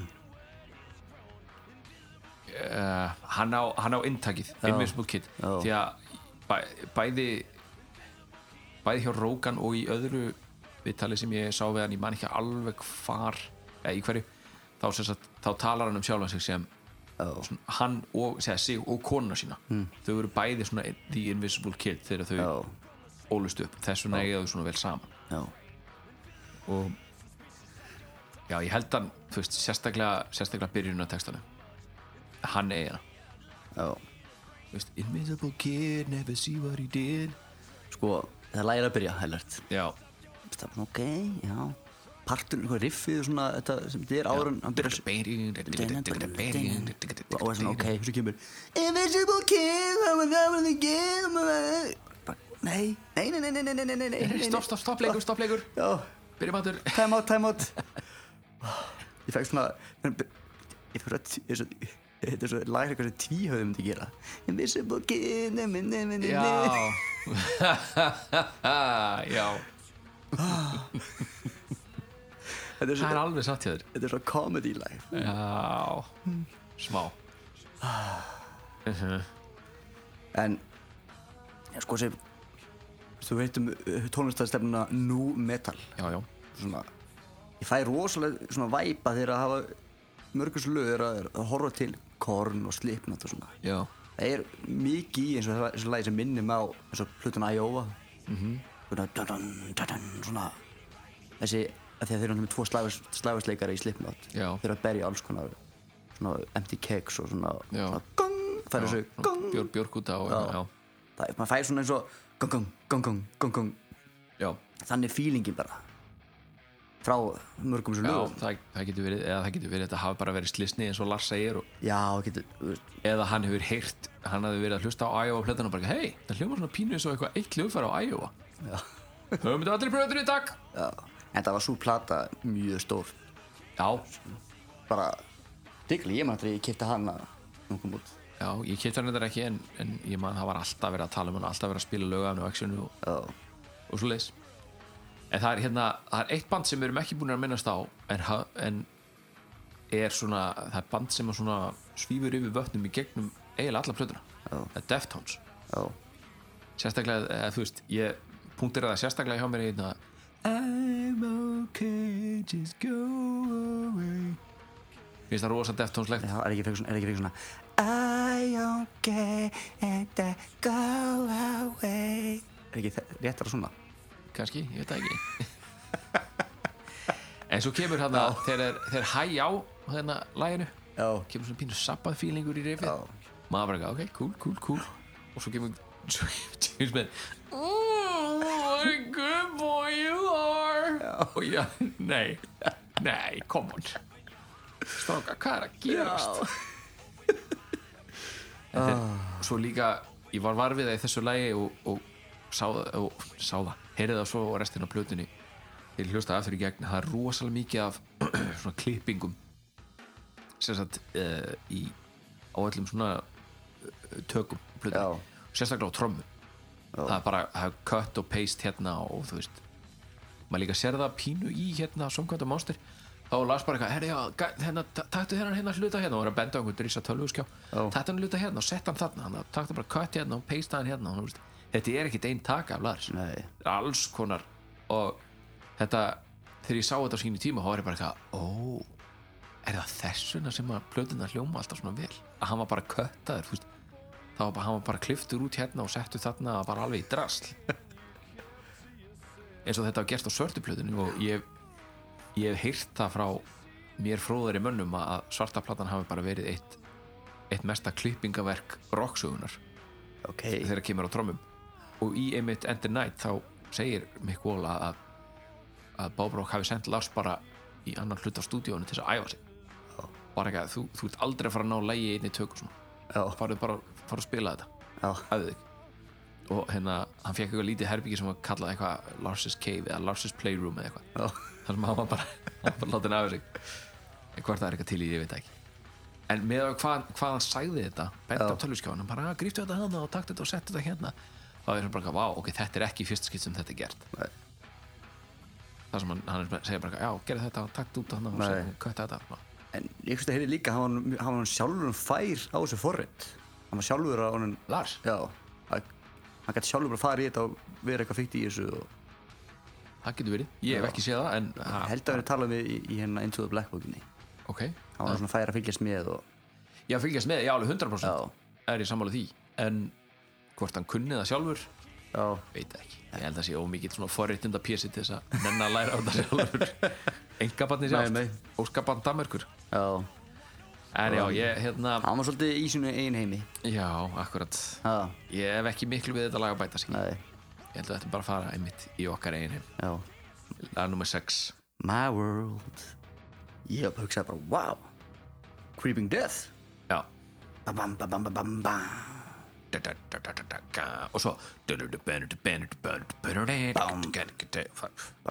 Master Pínu- Puppets. já, akkurat, Já. pínu Master Puppets feelingur Svo bam, bam, bam, bam, bam, bam, bam Svolítið svona svona rat, Smá rottusalat akkurat, akkurat, Black Sabbath er það ekki þeirra Moby Dick, Red Salad Jú, þú veist, eða trommusóló lag Já, svona instrumental lag af, af plötunni Paranoid Já, svo plata var nú ekki frægt fyrir neitt annað Nei, þú- Hei, já, hann er vínil já, geggjaf Ég bara um, finna hana Herðu, Loudwire listin, Já. góði Já. Mhm. sem, að, sem er heilagur, eða hitt á Þetta er lag nummer 95 þar, af 115 og hann mætti mætti vera ofar, að mínum mætti Já, þetta er, þetta er með betri lögum blöðunar já, en við erum að tala um Saint Anger þannig að já það þarf ekki mikið til því miður og hérna, já Það hefði getur betra það hefði getið verið betra Motherfuckers got in Akkurat. my head ef hann hefði hef ekki sagt motherfuckers þá væri þessi erindi bara killer sko. Já, og ég trúi því ekki að hann hafi samið þetta, að Ja- James hafi samið motherfuckers got in my head, ég bara ég bara, ég neita að trúi því og ég trúi því frekar að, að, að Lars hafi samið þetta já, En það er bara út að ég Það ekki Þetta er óstað leiðilegt að ég hugsi svona Mm. En allt sem hann hljómar heimskulega á þessari flötu Þá er ég bara eitthvað, Lars Ég hef ekkert fyrir mér í því Ég hef bara eitthvað, "Mm, Lars Þetta er stúbid já Delete that Já, nákvæmlega Þetta lag hefur aldrei verið spilað live Já, það er bara tvö Nánast tvö lögur svo blötu sem maður bara við spila leið Svo nánast Já, Það er frantik og sendingar já fyrir utan túrin sem fylgdi á eftir plötunni Já. Þá eru það eiginlega, er það eiginlega bara þessi tvö Já, um, Og svo hann All Within My Hands sem þau tóku sem svona akústik já, Svona það var eitthvað tíma 2014 eða eitthvað. en Eriðin eru alveg fínan Já. dun, dun, dun, dun, dun, dun. Já, It's my world now Já. It's my world Mista, og svo viðlega eitthvað Já, í lokin Saka Og svo einhver- eins og einhver hæna Æ. þetta er virkilega vondlag Nei, þetta er ekki eins vont og, Jú, þetta er vont lag jú. Þetta er vondlag Ekki eins vont og mörg önnur og plötunni samt Nei, nei, þú veist að því að byrjun er svona Mmm, hún er cool Já. Dun, dun, dun, dun, dun. Og svo lög 3, 4 uh, Lag 5, ok, alltaf leið Lag 6, já, ok Þannig, að ég held að við vorum komnir í gerin dýsta dalinn sko Já, Eða dimmasta dalinn getur við sagt Nei, svo líka parturinn að hann segir hann I, I don't even know what the question is Já, mér finnst það cool Not only do I not know the answer I don't even know what the question is Mér finnst það bara, ó- mér finnst það óþægileg partur Ég fekk svona, óþ- ég fekk svona, uh, svona Ég krinsaði aðeins Já. Fekk svona krins, þetta er mér finnst það mjög svona Já, það hefði mátt bara setja svona distortion á röddina á, á hættfjör, ha, í staðan fyrir að segja staðan fyrir að vera hana vera hérna, Já. það hefði bara mátt urra þetta sko. Æ, tóni, svona, svona, taka svona, já, Já, bara pínu öskra þetta sko. já það- Ég tekið svona Corey Taylor á þetta Já, það það hefði verið flottara Já En að því hann er, að því hann er svona eins og, hann sé- eins og hann- ég, ég fæði tilfinningu að Hetfield var ekkert sjálfur að fíla þetta eins og þess að hann er ekkert inn í þessu eins Já, eins og eins og sé svona eins og vond fyrir hann a- allt ferlið þá, öll platan bara þessi söngur I don't even Já, Þú veist, eins, svona- já, eins og við sagði með hérna Frantik, hann er eins og hann er eins og hann sé að herma eftir gamall útgáfa á sjálfum sér já, og já, og tekst ekki alveg nógu að vera til Nei. það pínu það er leiðilegt að segja þetta um King Hetfield sko. en hann hljómar svona eins og Cookie Monster á, á köflum, sko. já ég Já. myndi segja að vantir sem að gín í hann smá ginn Aha. já, getur verið ljótt að segja en já. en uh, þetta lag fjallar um að maður á ekki að láta segja sér að, þú veist, að maður er að vera svona og hins en maður vill bara vera eins og maður er sjálf já og hérna, þess vegna, er, it's my world, you can't have it it's my world Já. it's my world hérna, en Bob Rock fær svona pínu bassasólu Já. mér finnst það skemmtilegt ég fyrir ekki, ei Bob Rock bassasólu, geggja annars heyrist maður, heyrist eiginlega ekkert í, í bassanum í þessu leið þú veist ég myndi bara að segja bara skjóttu mig skjóttu mig já, og skjóttum svo aftur til þess að vera örgur svo í degi örglega já, við ætlum að, við ætlum að hafa þetta stutt um lag nummer 6 sem heitir My World og við ætlum að fara yfir í Shoot Me Again lag nummer 7 þarna myndi ég segja um lag uh, um, the, the genre ég maður aðeins með ennsku svo mikið genre, Mhm. genre ekki genre genreið, svo vil hann nu metal nu metal Brr metal, já, og ég heyri rosa mikið eins og hérna dun, dun, dun, dun, dun, dun, dun, dun. það minnir mig eitthvað korn og Já. bara svona þessi kringum svona þessi metal í kringum aldamotinn já það var svolítið svona dun, dun, dun, dun, dun, dun, dun, dun. Mhm. Bara klang trommunar undir Ah, ég við erum ekki mikill maður sem fílaði korn nei, ég ég leitið á svolítið hjá mér ég var ekkert eitthvað, ég fílaði ég hlustaði ekkert á það sérstaklega Nei. en ég hafði svo sem lítið á mótið þeim, þannig sko, þá er þetta lag mjög glata fyrir mér já og það er eða partar minn, það er alltaf smá partar mér á, þetta er flott já, en svo komið viðlagið þegar allt Mhm. sjú mikið en hann did ég er já, mjög kjánlegt ég skrifaði bara þetta shoot me again, I ain't dead yet, I lame Já. ég hafa það sem ég skrifaði þetta er bara svona cringy, Lame. þetta er lame já, sjú mikið en again, sjú þú veist, mikið again þetta riff Dum, dum, kakang, dum, gong, bú, dum, dum, bang, dum, dum, bum. flott riff Mm, Mér- þetta er flott Ah, riff jú, en, ég, það næði ekki til mín sant það er eitthvað við Nei, þessum- já, já, ég, já, það er alltaf leið Ég, næ- ég, ég skil ekki Látvægir var ekki hrifin að þessu Nei, Þannig erum við komin í þryggjastafa tölu loksins já, Fyrsta lagi á Seint Anger sem er í þryggjastafa tölu á, á listu, þessum listan Sex önnur lög sem eru fyrir ofan 100. sæti já, Það er lagið nummer 101 Að 100 á 100 já, Og veistu hvað var að fyrsta sem ég skrifaði um þetta lag? já Aftur er þetta hljómsveitin Lars og Lúðarnir Það heyrist alltaf mikið í trómunum Lars og Lúðarnir Ég er bara, Þú veist, Þetta er bara last, við höfum engin sóló nei, En aftur, þú veist já, jú, trómusóló Já, Bara í gernum alla helvits plötuna já, Trómusóló með einhverjum aukaháaða bara já ah, Ég hugsa að Körk hafi verið bara svona Já, já, fuck it Hann var ekki ánæður að fá ekki tekinu sóló sko. Já, ég held að hann hefði bara dreigið djúpt andan bara Já. hver skipt sem hann gekk inn í stúdíu og bara eitthvað, ok, bara þetta er bara nokkri mánuður við getum lifað þetta af. Hann hefur bara við, við, tekið jókasessjón eftir hvert ein- eftir hvern einasta Það vinnudag er fengið sem að eh, sami lög fyrir DOI Já, Traffic School Já En ég veit ekki sko Þa- þa- Traffic School var talsið skárraði mér Æ, ég veit hann ekki sko. Æ, en ég, ég segi hérna því ég, fyrst ég hlusta á plötuna og fór að skrifa niður, þá hlusta ég alla hlutuna Já. skrifa ég, ég var að pyrra hana sko að þessu lagi, byrja að vera svolítið svona fann Já. ég fyrir svona þreytu og ágætt að t- svo kom ég aftur inn í plötuna Já. Mhm. fór beint í þetta lag ég, var- ég var bara á ég, ég strax aftur pyrraður -hmm. og þetta er einn- fá lögur sem ég var bara svona að gera mig vittlisann þetta er maður stöður Portraits of Me Já. það gerir mér svolítið pyrraðan Já, Þetta er ennþá verið maður já, Wake the sleeping doe No, let him sleep já, en sko hérna, Þetta er eins og- eins og lítið barn eða sem þessu texta já Wake the sleeping dog lítið, no, lítið let- engabann frá Danmörku kannski já. I bite my tongue, not to shoot back Þetta er, þetta er, þessi texti er um baráttunum við Napster Já, og þeir gáfu plötuna út fimm dögum á undan áallun til þess að klekja á Napster já, því að þeir vissu að einhvern veginn myndi platan rataðungað inn Já. þannig að þeir tilkynntu að tíundi, na, hvað var það, apríl 2004, já, hvernig það var á tíunda eh, var ekki alveg mánuðin, en skiptir ekki mánuð sögðu tíunda en gáðu hann svo út fymta já til þess að svona segja bara fuck you, við, við gefum plötun út á undan, ekki þið Nei,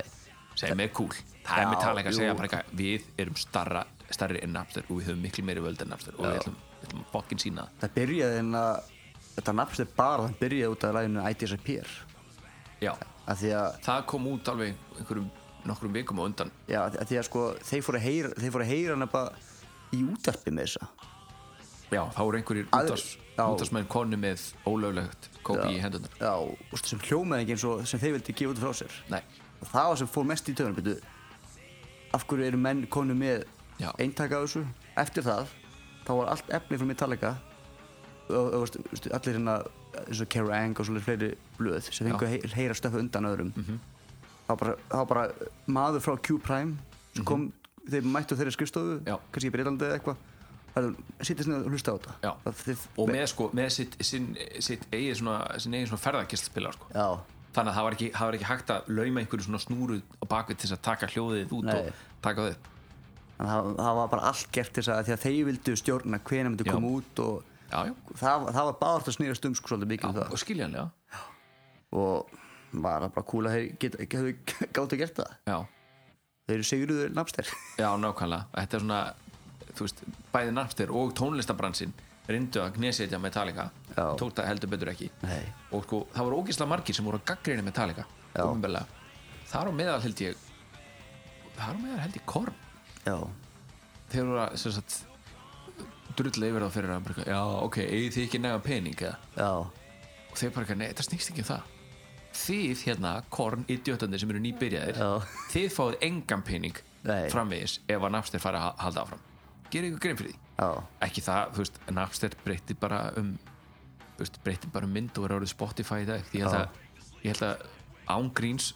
fyrir eina spilun á Spotify já, færið þau svona 0,003 krónur eða eitthvað Já, svoleiðis. 0,003 þú þarft þúsund spilanir til þess að fá þrjár krónur já, það er, er, veist, þetta er ekki nákvæma tölur en þetta er eitthvað áleika fánulegt já, já. og, og veist hvað, fórseti hérna Spotify eða fórstjóri, hvað er stopnandi Spotify eða hvað hann heitir, einhver sænskur gaur, hann sagði, já, bara þið, þið fljónsleitir eiga bara að vera duglegur að gefa út efni já, einmitt ég skal við ekki hann spotta við mig þægilegt fyrir bara mjög þægilegt, já, Og, og ég er með áskrift á Spotify en þetta er samt ömurlegt fyrir Já. artista að geta ekki selt plötur lengur, Nei. þetta er glatað og þar á leiðandi fær, er tónlistabransin bara eitthvað, að við getum ekki, þú veist, við græðum ekkit á því að selja plötur lengur en samt þess vegna verðum við, þess vegna segjum við nei við öllu sem að geti mögulega verið eitthvað aðeins út fyrir ramman En þess vegna í dag er, er vínil plötusala komin upp aftur, já, rosalega. Já. Það er mikið gefið út á vínil, Já. sem er mjög cool. það er aðeinslegt en það erum við með- líka Metallica erum við sína eigin vínilpressu í Þýskalandi Já, geðveikt sko en þú veist, þess vegna finnst mér svo eins mikið og mér langaði að hata Billie Eilish ég var, ég var ekki búin að hlusta og ég við ekki henni fáfræði mína hérna ég var ekki búin að hlusta, ég hef bara búin að heyra nafnið hennar já, bara eitthvað Billie Eilish þetta, ó, vá, Billie Eilish þetta gæðu, ó, hún er óksla frábær en ég hafði ekki um, ég hafði ekki heyrt sem sagt löginar, eða sem sagt, ég held ég hefði ekki heyrt löginar, nei, en svo svo kom hérna When the Party is Over á afna fyrstu blöðunar Mm. og svo hérna, þetta var á, ég veit ekki, bílgjunni eða eitthvað og hérna svo kom, já, þetta var um Billie Eilish, ég hefði ó, ok þetta er alveg legit lög já, og þú veist, það er bara hún og bróðurinnar það er ekki eitthvað 12 pródúsir að liði sem er sett saman af IMI en bara eitthvað, já, herru, við erum með hérna 12 mann sem hafa gefið út marga smelli hérna og Já. við, við, þú veist, einhverjar hljómsveitir sem er að semja í einhverjum bílskur, það, það er átt Já. þetta eru sumu menn og sögðu við býtt hana já, gítarhljómsveitir, það eru átt núna sko. það vil enginn hlusta á gítarhljómsveitir lengur nei, þú veist, þetta eru sumu innan geðsalaba, sérfræðingar já, þessi, þessi brans er svo fokkin eitraður sko. Já. Sorry, ég er, ég er alveg, mér er heiti í hamsi núna sko. Í- þarna er ég tím Metallica allalið já, já, og Lars, jú, hann fór óhefmyndar leiðir og hann var in your face með þetta allan tíman já, en hann hafði líka 100% rétt fyrir sér Já. og þetta lag er um það já. Já. Shoot me again. shoot me again, reyndu Ok, ég, svona, meira respekt á lagi núna, smá. Já, eh, respekt, ég, ég respekta þetta lag ógstlega Já. mikið þetta er ógstlega liðlega lag Er, er, er, er, er þeir þið sleeping dog þá eða? Sleeping, Ég segi, wake the sleeping dog. No, já, let him Wake the sleep. Sleeping Dog já, No, let him sleep. Við erum bara svo, já, svo Ah, þetta er- bókstælega textar. Já, það er, það er ekki þetta svona að, ég veit ekki eins og hvað hugtækið er svona aðeins ma- meira svona universal það er hægt að þý- koma að hlutunum sjá það frá mismöndu sjónum já, kannski þýðir þetta þetta, kannski þetta er svona ádil á þessu nei, nei, wake the sleeping dog já, ó, ó, ok, já, Já, það er bara hundur hundur, hundur number, sweet Já, number. Sweet Amber Hei já, við ætlum í lagnumar á það Sweet Amber það er, Þetta er oft notað sem hérna, til að lýsa svona lit á bjór Þannig að það get, þetta geti verið skýrskotun í einhverja fík eða fyrrum fík Já, Já, það getur verið sko Það var allavega kenningar um það á netinu og ekki lífu netið Nei, það líkur aldrei En Þannig erum við komin í, komin í nýja lægð á látvæðilistanum Þetta er 103 Nú. Mjög veist þetta með skárri lögum plötunar Já, ég var að mynda að segja Þetta er læg byrja sko Country Web Já, getur verið eitthvað sem Það getur verið lót já, heiklust og hérna, svo fenni riffið sko, það er alveg já og svo kemur wash your back so you won't stab mine já, það, manstu hvernig það kom til Nei. wash your back so you won't stab mine þá sem sagt uh, áttu þeir að taka upp eitthvað promo já, fyrir einhvern útastátt og þeim fannst það svo astnalegt þeir voru bara eitthvað bara eitthvað, hey this is Lars from Metallica I wanna offer you $300 for du, du, du, du, du, eitthvað og þeim fannst þetta bara svo klísjulegt og, og astnalegt og þeim bara eitthvað, nei og vildu komast úr þessu og hérna en Q-Prime voru að segja bara eitthvað, hey ef þið gerir þetta fyrir þá þú veist, þá voru þeir að fara að spila blötuna miklu meira og svo bara eitthvað, þú veist, en ef þið gerir þetta ekki þá spilaði, þú veist, þá bara hætta þær að spila þetta Metallica já, þannig að, þannig að James Hetfield þá sagði sem sagt, það er sem sagt uh, málsáttur á ennsku, sem sagt wash your back uh, and you and then you wash mine, actually það er eitthvað uh, þú veist tit for tat, Þú- Já. ef þú gerir þetta þá gerir þetta fyrir þig nema að James Hetfield, Hetfield segir bara, oh, so it's wash your back so you won't stab mine já það kom þessi texti þannig að þeir voru raun að hóta þeim að hætta að spila Metallica lög eða þau myndi ekki taka upp þessa auðlýsingu fyrir þá sem er, þú veist, þú, þú fer ekki svona upp á móti Metallica sko, nei, og heldur þú að komast upp með það en þetta lag hérna Já, það er spilað einu sinni live já, í Lubbock, Texas mm, september 2004 já, Það, ég væri ekki reyður ef þetta er spilað live nei Ekkert sérstaklega og hérna, fæst maður one fílíkunan Já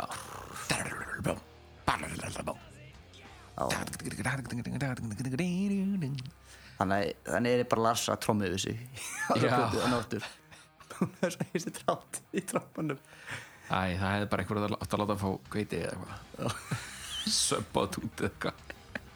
Þannig að hann fengi bara hann fengi bara hérna Svefnlyf. hægðatreðu eða eitthvað, já, söflif Bá bara, bá bara okkar trómuna líka Edfield Já, já, akkur ekki Já,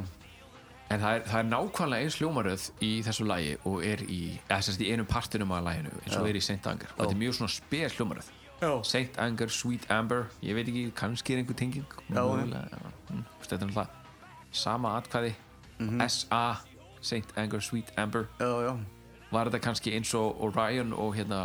Sanitarium, þetta var eitt og sama lagið og svo vel spilaði verið, sko. þetta upp í tvo getur verið, veit það ekki en mér finnst þetta lang besta lagið á plötunni fyrir utan kannski fyrstu tvö Já, þetta eru topp þrjú lögin á þetta plötunni eru- Sweet Amber, Saint Anger, Frank þetta er alveg flott en mjög- sem er mjög skrítið því að það er bara með 4.983.000 spilanir já, en þú veist fólk er fíbl nei, ég segi svona en það er ekkit allir sem að sem að þóla alla plötunni í gegn Með ég held þessi máli sko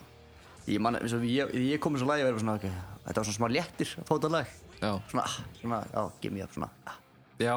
þetta er svona það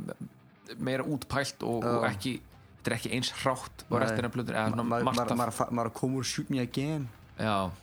Ég var alveg það bara, kannski gerir þetta lag þólanlega, ég veit það ekki ég veit það ekki setur þetta í svona samhengi svona, já, ok, þetta er ekki eins slæmt og þetta þar af leiðandi er þetta, hlýtur þetta að vera bara sérðanins priðilega ágætt Já, já, en ég ætla aðeins að hérna, þessi auglýsing sem að þeir voru svo hérna, brjólaðir Já. yfir þá hérna sem sagt, voru þeir að reyna að finna eitthvað svona eitthvað svona metallegt og eitthvað svona rebellegt svona já, hérna, sjónarhótt eða svona einhvern rebel vinkil á hvernig þeir ætlaði að vera með þetta Já. og basically var þetta þannig að Metallica átt að segjast vera að gefa einhvern, gefa einhvern pening já, bara hvort það var þúsund dólarar eða eitthvað og hérna Lars Ulrik er að taka upp sinn part og þeir ætla bara svona að búa til sinni einn útgafu og unnsingunni Já. og, og Lars byrjar að lesa sitt bara eitthvað Hey, this is Lars Ulrik from Metallica and I'm about to stick $1,000 up your ass og svo heyrist í James Hetfield utan kameru bara eitthvað, One dollar at a time sem var mjög skemmtilegt en ég hef, já, fyrir utan þetta þá hef ég svo sem ekki mikið við þetta að bæta Nei. en þriðja besta lagi á plötunni, að minnsta kosti gott ef Já, ekki jú, jú. annað besta það er bara já þetta er- Mín þetta er- tilfinning. Já, einhver tilfinning sem ég get ekki nefnt nei, Já, og þar með förum við í lag nummer nýju The Unnamed Feeling Já lag nummer nýju þannig erum við komin enn og aftur neðar á látu að eðlistan nummer 104, Á mista bara ekkert skrítið nei, nei Við Svo sem erum ekki ekki. gott lag, þetta er Ah, en ég skrifa samt, þetta lag er líka allt í lagi kannski voru lög 3-7 bara, bil- eh, bara viljandi til að lækka hjá manni standardi Já, Þess að- sko lægi textin lægi fjallar um stress og kvíða já, og unnamed feeling ég segi þetta lag veldur, veldur stress og kvíða um mér já það er kannski gert svo þeir losni við, eða þeir myndi losna við stress og kvíða á þessum tíma hver veit, svo, er, það, svo kemur viðlagið hennar reynir svona eins og losum henn við stress og kvíðan já, Svo það er kemur rosa beint í- deftón feelingur í því svo kemur been there before textin, Já. parturinn sko been here before and say I liked it comes alive Já Nickelback voru harðlega gaggrindir fyrir að nota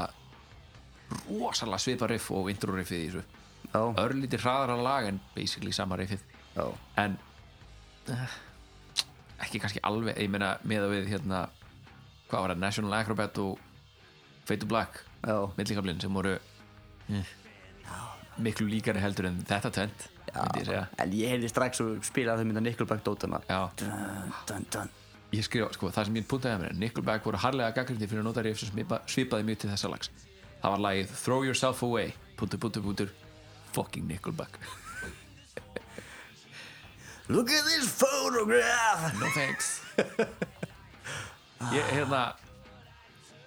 akkur er Nickelback svona hataband veistu það ég var að fara að ú- útskýra allavega mína hlið að því já, ég fattaði það aldrei þú veist, ég hafði svona heyrt lögin út undan mér og svona, Já. ekkert eitthvað, eitthvað aktíft hlust á það ég hafði heyrt þarna um,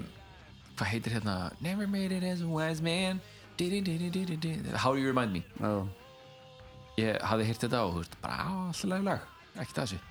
svo verið ég beðin um þetta ég er satt, já, fyrir þá sem að ekki vita þá starfa ég sem trúbátur á kvöldin á hérna börum miðborgarinnar og ég var beðin um þetta á dönskakránu mínu mig já, ég held já, já, ég, ég hef heyrt þetta nóg oft til þess að held ég koma þessu ágætlega frá mér ég spilaði lagið og það var ekki fyrir en ég byrjaði að spila þetta sjálfur sem ég var bara eitthvað, oi, hvað Nickelback er nekljómsveit og ég var bara eitthvað "Ugh, þetta er ógeðslega leðilegt lag en ég get alveg hlusta á þetta í útvarfinu svona ekkit look at ekkit eitthvað sem this photograph ekkert eitthvað sem ég set á sjálfur fyrir sjálfa mig en ef þetta kemur einhverstaðar bylgin eða uh, nýju FM nýju ekki, ekki það FM er aldrei frá að spila það Nei. en ef þetta kemur einhverstaðar í útvarpinu þá er ég bara eitthvað, já, ég þekki þetta lag Nickelback og Creed og svona, ég seti alltaf sama flokk já, Æ, ég veit ekki grítur er skári, Já, ok mjög skári Já, þú manst nú þegar við vorum að vinna báður úr danska króni það- hvað krítreglan var, já það var það allir úr á hann allir úr ofan Já Þetta var ég nefndi tók aldrei þátt í og bara feitur ógislur Já, og rosalega self-conscious ég, ég fór alltaf úr ofan þá til að Ísland náði niður og finnið að pungi mér sko lífið í en það er instrumentakabli í þessu lagi Já, allt og langur já hann er bara Það lagði bara alltaf langt Já, hann þjónar einhver tilgangi, þetta er bara copy-paste, copy-paste, copy-paste, þú veist, það þjónar einhver tilgangi að hafa hann svona langan. Nei. Ég skil þetta ekki. En þess utan, ásakið, minnir þetta svolítið á nokkur reloadlu. Já, Hann syngur þetta mjög svipað og svona, já, fixer og lómaðans lyrik, Já. finnst mér. I comes alive Comes Já. alive Svona, en svona En í þessum pakka svona Mhm. mm, Svona miklu afslappaðri, hann Já, er ekki, svona- hann er ekki Cookie Monster, ég er James Hetfield, En það er það, Æ, það er eitthvað við samt hvernig syngur þetta það er ekkert Lómas Lyrik Æ, æ, þú veist, þá er Mhm. röddin svona það er, nei, svona hann er svona miklu meira svona meira Já, bara, sveg í hey, hannum hlustaðu á mig. Ég er Æ, æ, maðurinn. sig reality nákvæmlega, Nothing good hann er Þannig miklu eitthvað- örugari. Já, Þannig er hann Hann er- óörugur Já, svona- Hann þarf samt, hann þarf samt að vera James Hetfield já, James Hetfield, James fucking Hetfield Já, já. Guðinn sjálfur Hann þarf að vera hann En hann kunni ekki að vera hann á þess að geta haft áfengið all, að minnsta kosti innan handar Já. Þó hann hafi kannski ekki alltaf verið fullur lítur á hann sem guð en, Nei, en margir gera það Já, ég lítur á hann sem velvæm guður sem er flottu guður sko Já, já, ég líka Og e ef að ef skekkinni að ég og hann erum einhvern þar einhvern tímann á sama stað í einhverju einhverju búð einhvers staðar eða eitthvað Já, og ég þekki hann, engin annar þekkir hann og það er ekkert umstakki kringum hann þá ég myndi bara gefa honum hérna djöflahóttinu bara eitthvað respekt og bara láta hann vera já, já, því að ég held að hann myndi kunna að meta það miklu meira heldur en bara eitthvað oh my god, þú ert ég hér til ég indi bara, bara að tala um bíla eitthvað, hvað sagði, hvað já, en það sem hann býr núna hann í veil í Colorado það er þegar hann var að úst, fara út í búð og kaupa mjölk eða eitthvað, whatever, Já. þá byrjaði þetta svona bara eitthvað, fólk var bara eitthvað, wow, wow, sér hvernig þetta er en svo eftir svona 2-3 vikur að hann, honum að koma reglulega þá var fólk bara eitthvað hei, lesar, já, eh, hvað segir konan Eða já, eitthvað, já, já, já það, þú veist, þetta bara þetta venst þurruglega ótrúlega fljótt já, það lítur að vera það ekki myndi ég nefnir sem maður ef ég verið svona guð Nei. en mér langar jafn mikið að hitta James Held- Hetfield og mér langar lítið að hitta Lars mér langar alveg freka mikið að hitta Hetfield mér langar freka lítið að hitta Lars því að ég ég veit bara ekki að, já, ha- sæll Lars ég heiti, já, já, já, já, já, svo ég myndi ekki fá að segja neitt meira Áli, svo, allan Ég sagði, hæ, hæ Lars Hvað what in hardy hvað hafði? Hann ekki, hei, svo ég segi bara, hæ, hæ ah, já, Lars, ég skýt mig í buksuna bóksuna Já, já, ég, ég, ég man ekki meira út önsku en bara eitthvað, what in hardy Já. hei, ég heiti Erlet það er svona norsku yfir líka hefur. já, örgulega Hvordan har du det? það er norska. Hvordan har du det?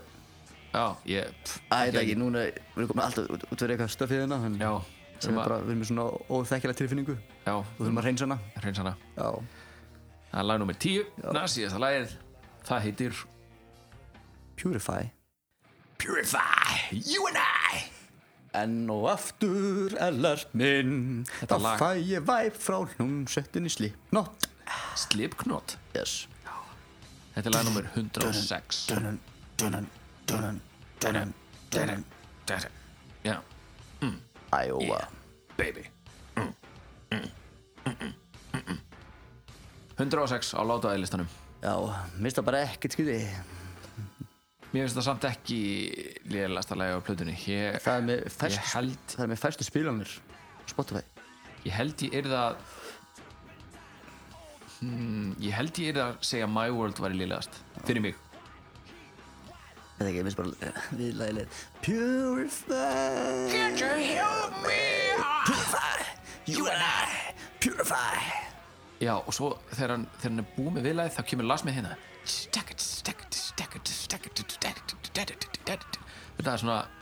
svona beat sem má ekkert heim í metal Þú gerir þetta ekki Oh, when the same go marching in Þetta er svona þannig Uh. Drasl sko. Það er Sko, þetta er svo, þetta er svo vond bara Það er Já, þetta er mjög Þetta er svo vond Ég er svona, það er svona uppgjöf í mér, skal við ekki það En Já. við erum að þjóna, við erum, við erum, fyrir, við erum hérna fyrir For Metallica Já, Og, förum þetta á hnefanum já Það var seint engan hefanum Já, Sko, þegar ég hlusta á erindinu á þessu lagi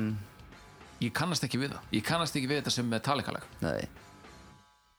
þú getur, þú getur spilað þú veist, bara út af því við erum að tala um þetta myndi ég vita að það er Purify eða myndi ég vera bara eitthvað, ok, pop quiz, hvaða lag er þetta ég myndi vera bara eitthvað uh, veit ekki en svo myndi ég örgulega fatta út að sneri hljóðunni bara, eitthvað, já, þetta er eitthvað á sendjangar Já. ég bara, fatt ekki það er alveg saman hvað ég hlusta á þetta oft Já, já, ég þekki þetta lag ekki nema bara smá bút hérna úr viðlæginu já Og textin er sko klísukendur já, Við tala um að, að reynsa sér neður að merg sko. já, Eins og bandið. akkurat Bara text þessu hljóðum og um eitthvað svona að vera, vera uh, ná sér eitthvað inn já, Eitthvað, Þú ert í eitthvað svona self skoða sjálf á sig og, svona nafla skoðunar dæmi nafn- og á bandið sjálft allt sko. já, Það er með tilfinningu sko. Þeir eru að reynsa sér niður að merg Gjössanlega það er eitt reyndar hérna þegar hann syngur Purify hérna Purify þetta, Can't you það, hérna sérst, þe- þegar það kemur fyrst þá er þetta bara svona vönilegt og pínu svona Já, ah, pínu svona örvæntingi og svo næst nættu sem ískri þarna hérna það er svona pínu örvænting svo þegar næst kemur þá er meiri örvænting og svo næst meiri örvænting og svo síðast skiptir að kemur þá er hann bara þá er hann fyrir hljómalega ógesla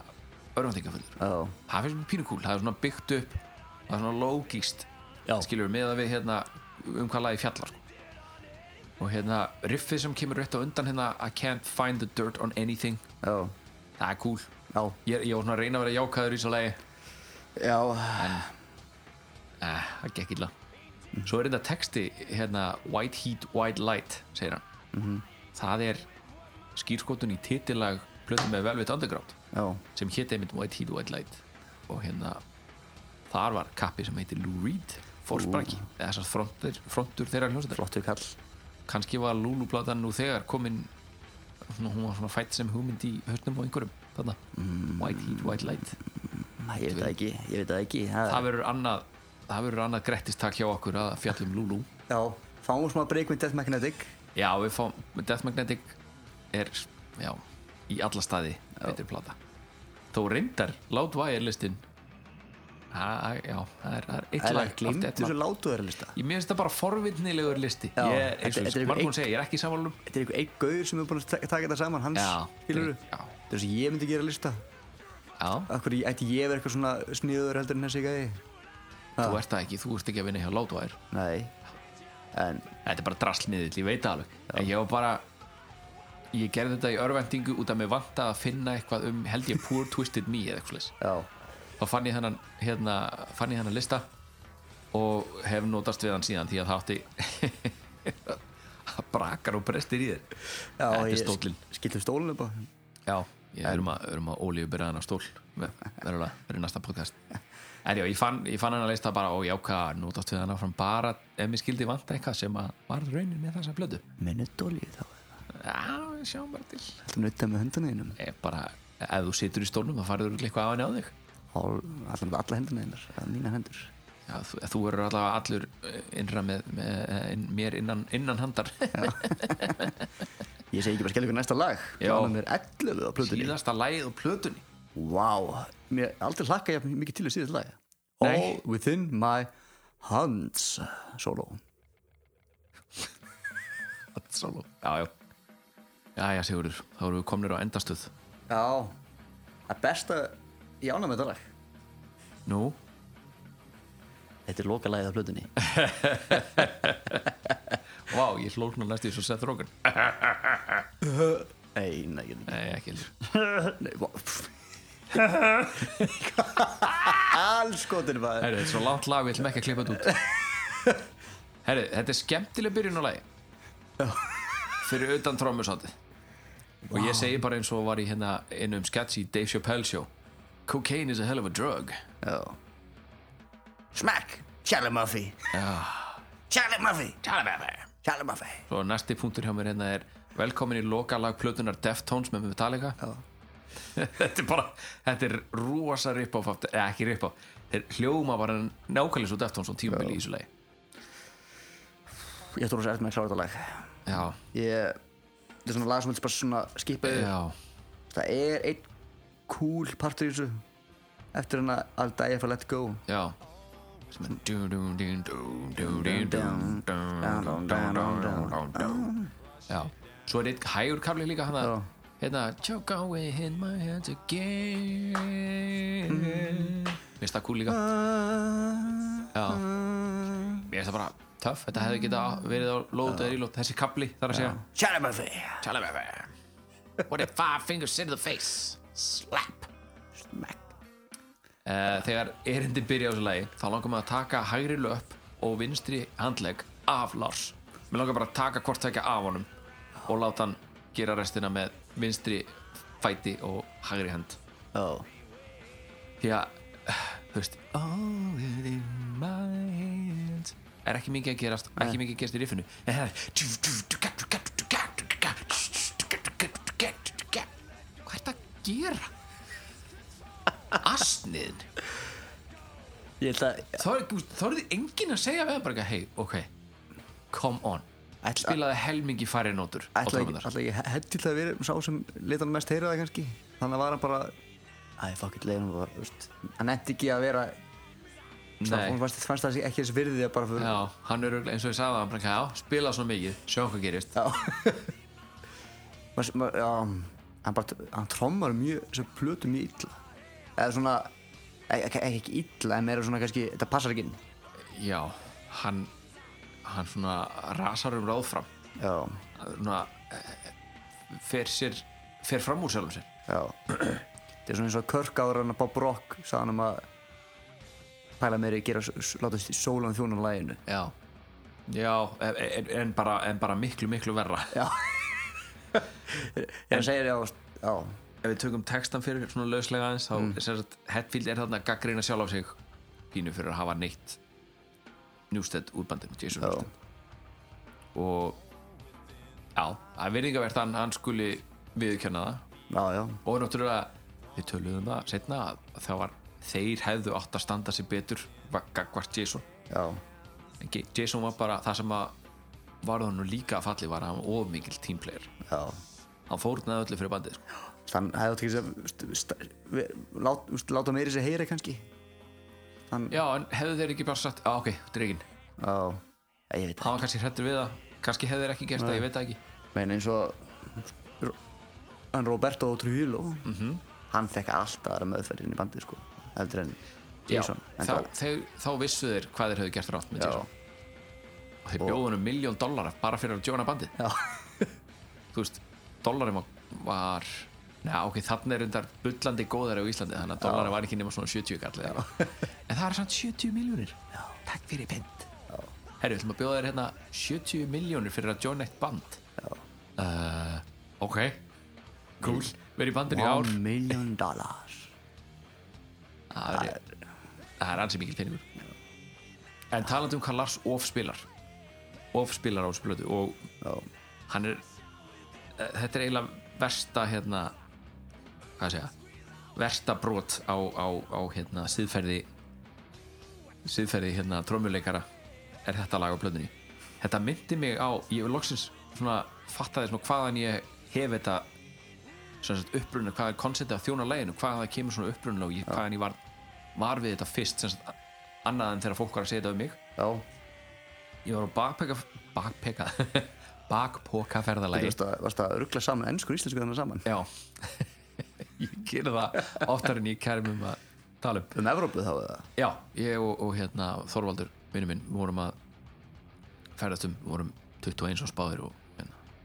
bara ákvæm að skella okkur já, og rosalega gaman og við fórum á svona, svona jazz jam uh, einhvers þar í Hollandi og hérna sem sagt, það þýtti að það var bara svona, uh, svona ákveðin kjarni af tónlistamörum já, og ef að þú varst þú veist, ef þú varst saxofónleikari og varst með saxofónu með þér og bara eitthvað, hei, kunnið þið hérna þetta lag í þessari tóndu, þú bara, já, hvað og þeir spilaðu þetta lag, allir tóku solo og þú veist, þetta er bara svona, svona jamfílingur já, og hérna það var söngvari sem var að svona sjá um þetta og það var trommuleikari og hérna bassaleikari sem voru með honum svona eh, það var svona kjarnin já, svo kom píónuleikari þannig upp ungu strákur, bara á aldrei við okkur við vorum 21 og svona og hann var ekkert mikið eldri eða yngri með, já, einhver- svipaður ekki, skiptir ekki máli hann kemur upp svið, óbáslega flinkur spila alveg brjálaðslega flott solo og hann spilaði alla nótunar alltaf, alltaf ógislega mikið af nótum já, og söngvarinn er að syngja lægið og, og hérna svo horfir hann á hérna horfir hann á hérna píónuleikaran og sérst bassaleikaran og trommuleikarin þeir höfðu greinilega lent í þessu áður með honum já, þannig að þeir hætti ekkert að spila þeir held að áfram bara svo dum, dum, dum, dum, dum, dum, dum, eitthvað, þú veist hvernig sem lægið var og heldur bara áfram voru svona bara, lækkuðu bara voljumið og meðan söngarinn fikk að tala og hann segir við píónuleikarinn hei, hei, hei, taktu taktu hérna hægra hundra af píanón nei, nei, nei, takt hann af ekki sko, mátt ekki nota hægra hundra spilaðu bara núna með vinstri já, svona, herru núna fær, núna, núna fær tónlistin aðeins að anda herru þetta sko, ekki- þarf, þurfum ekkert að spila alla nótuna þú ert rosa flinkur, þú þarfst ekki að spila alltaf alla nótuna Já. herru þetta, mm, þetta er svo grúfi og ég sat að þau bara eitthvað wow þetta var svona, já, ákveðin Já. svona hugljóminn fyrir mér að þú, þú, þar, þú sért ógisla góður á trömmur já það þarf ekki alltaf að þú veist, það þarf ekki alltaf að tróða því á hún í kokið á fólki sko. nei, nei,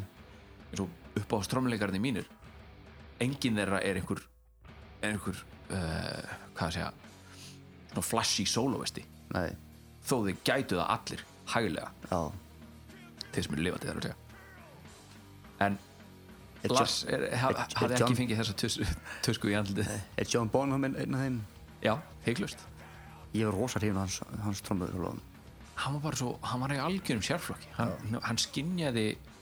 svona grúf já, hann var svo öðruvísi en langt flestir, hann var rosa laid back já, og svona svo laid back það var ekkert, það var ekkert, ekki mikið af þessum symbolum hjá honum, svona nei, En- ekki en- svo vel Lars Nei, og og hann- hann var mikið- hann var samt mikið power hjá honum alveg dundrandi sko. svona, það var svona eins og hann hefði bara slegið fast á trommunar að þú veist, það Já. var eitthvað svo hann var svo, Nei, hvað, hann var svo laus í sig líka Já, áður en hann joinaði Led Zeppelin þá hérna, fór hann í stúdíu og var að tromma inn á lag hjá einhverjum öðrum mann svo sem ekki hjá hverjum það var já, og sá sem var að taka upp trommunar sérst pródúsirinn á plötunni, hann sagði bara nei, ég get ekki, það, þetta er ekki takt þú veist, þú spilar alltaf fasta trommunar þú bara, þú, þú átt ekki eftir að eiga neittni velgengni að fagna já, ef þú heldur svona áfram að spila sko. það er bara gengur ekki, þú ætti bara að fara í húsasmíði eða eitthvað, sko. þú, þú ert að lemja það fast sko. bara hættu að hættu á hérna trómum segir hann með John Bonham Svo, og John Bonham sendi honum alltaf allar gull og platinum plötuna sína og sagði með hérna svona thank you brefi, svona thanks for the career advice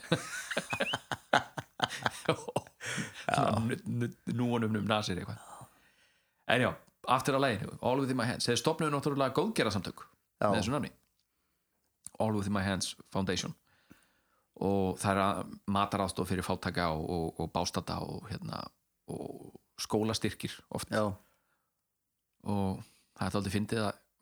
lagið, lagið sem endar á á því að James er að öskra kill 38 sinnum í röð og ekkert annað, Já. hann segir bara orðið kill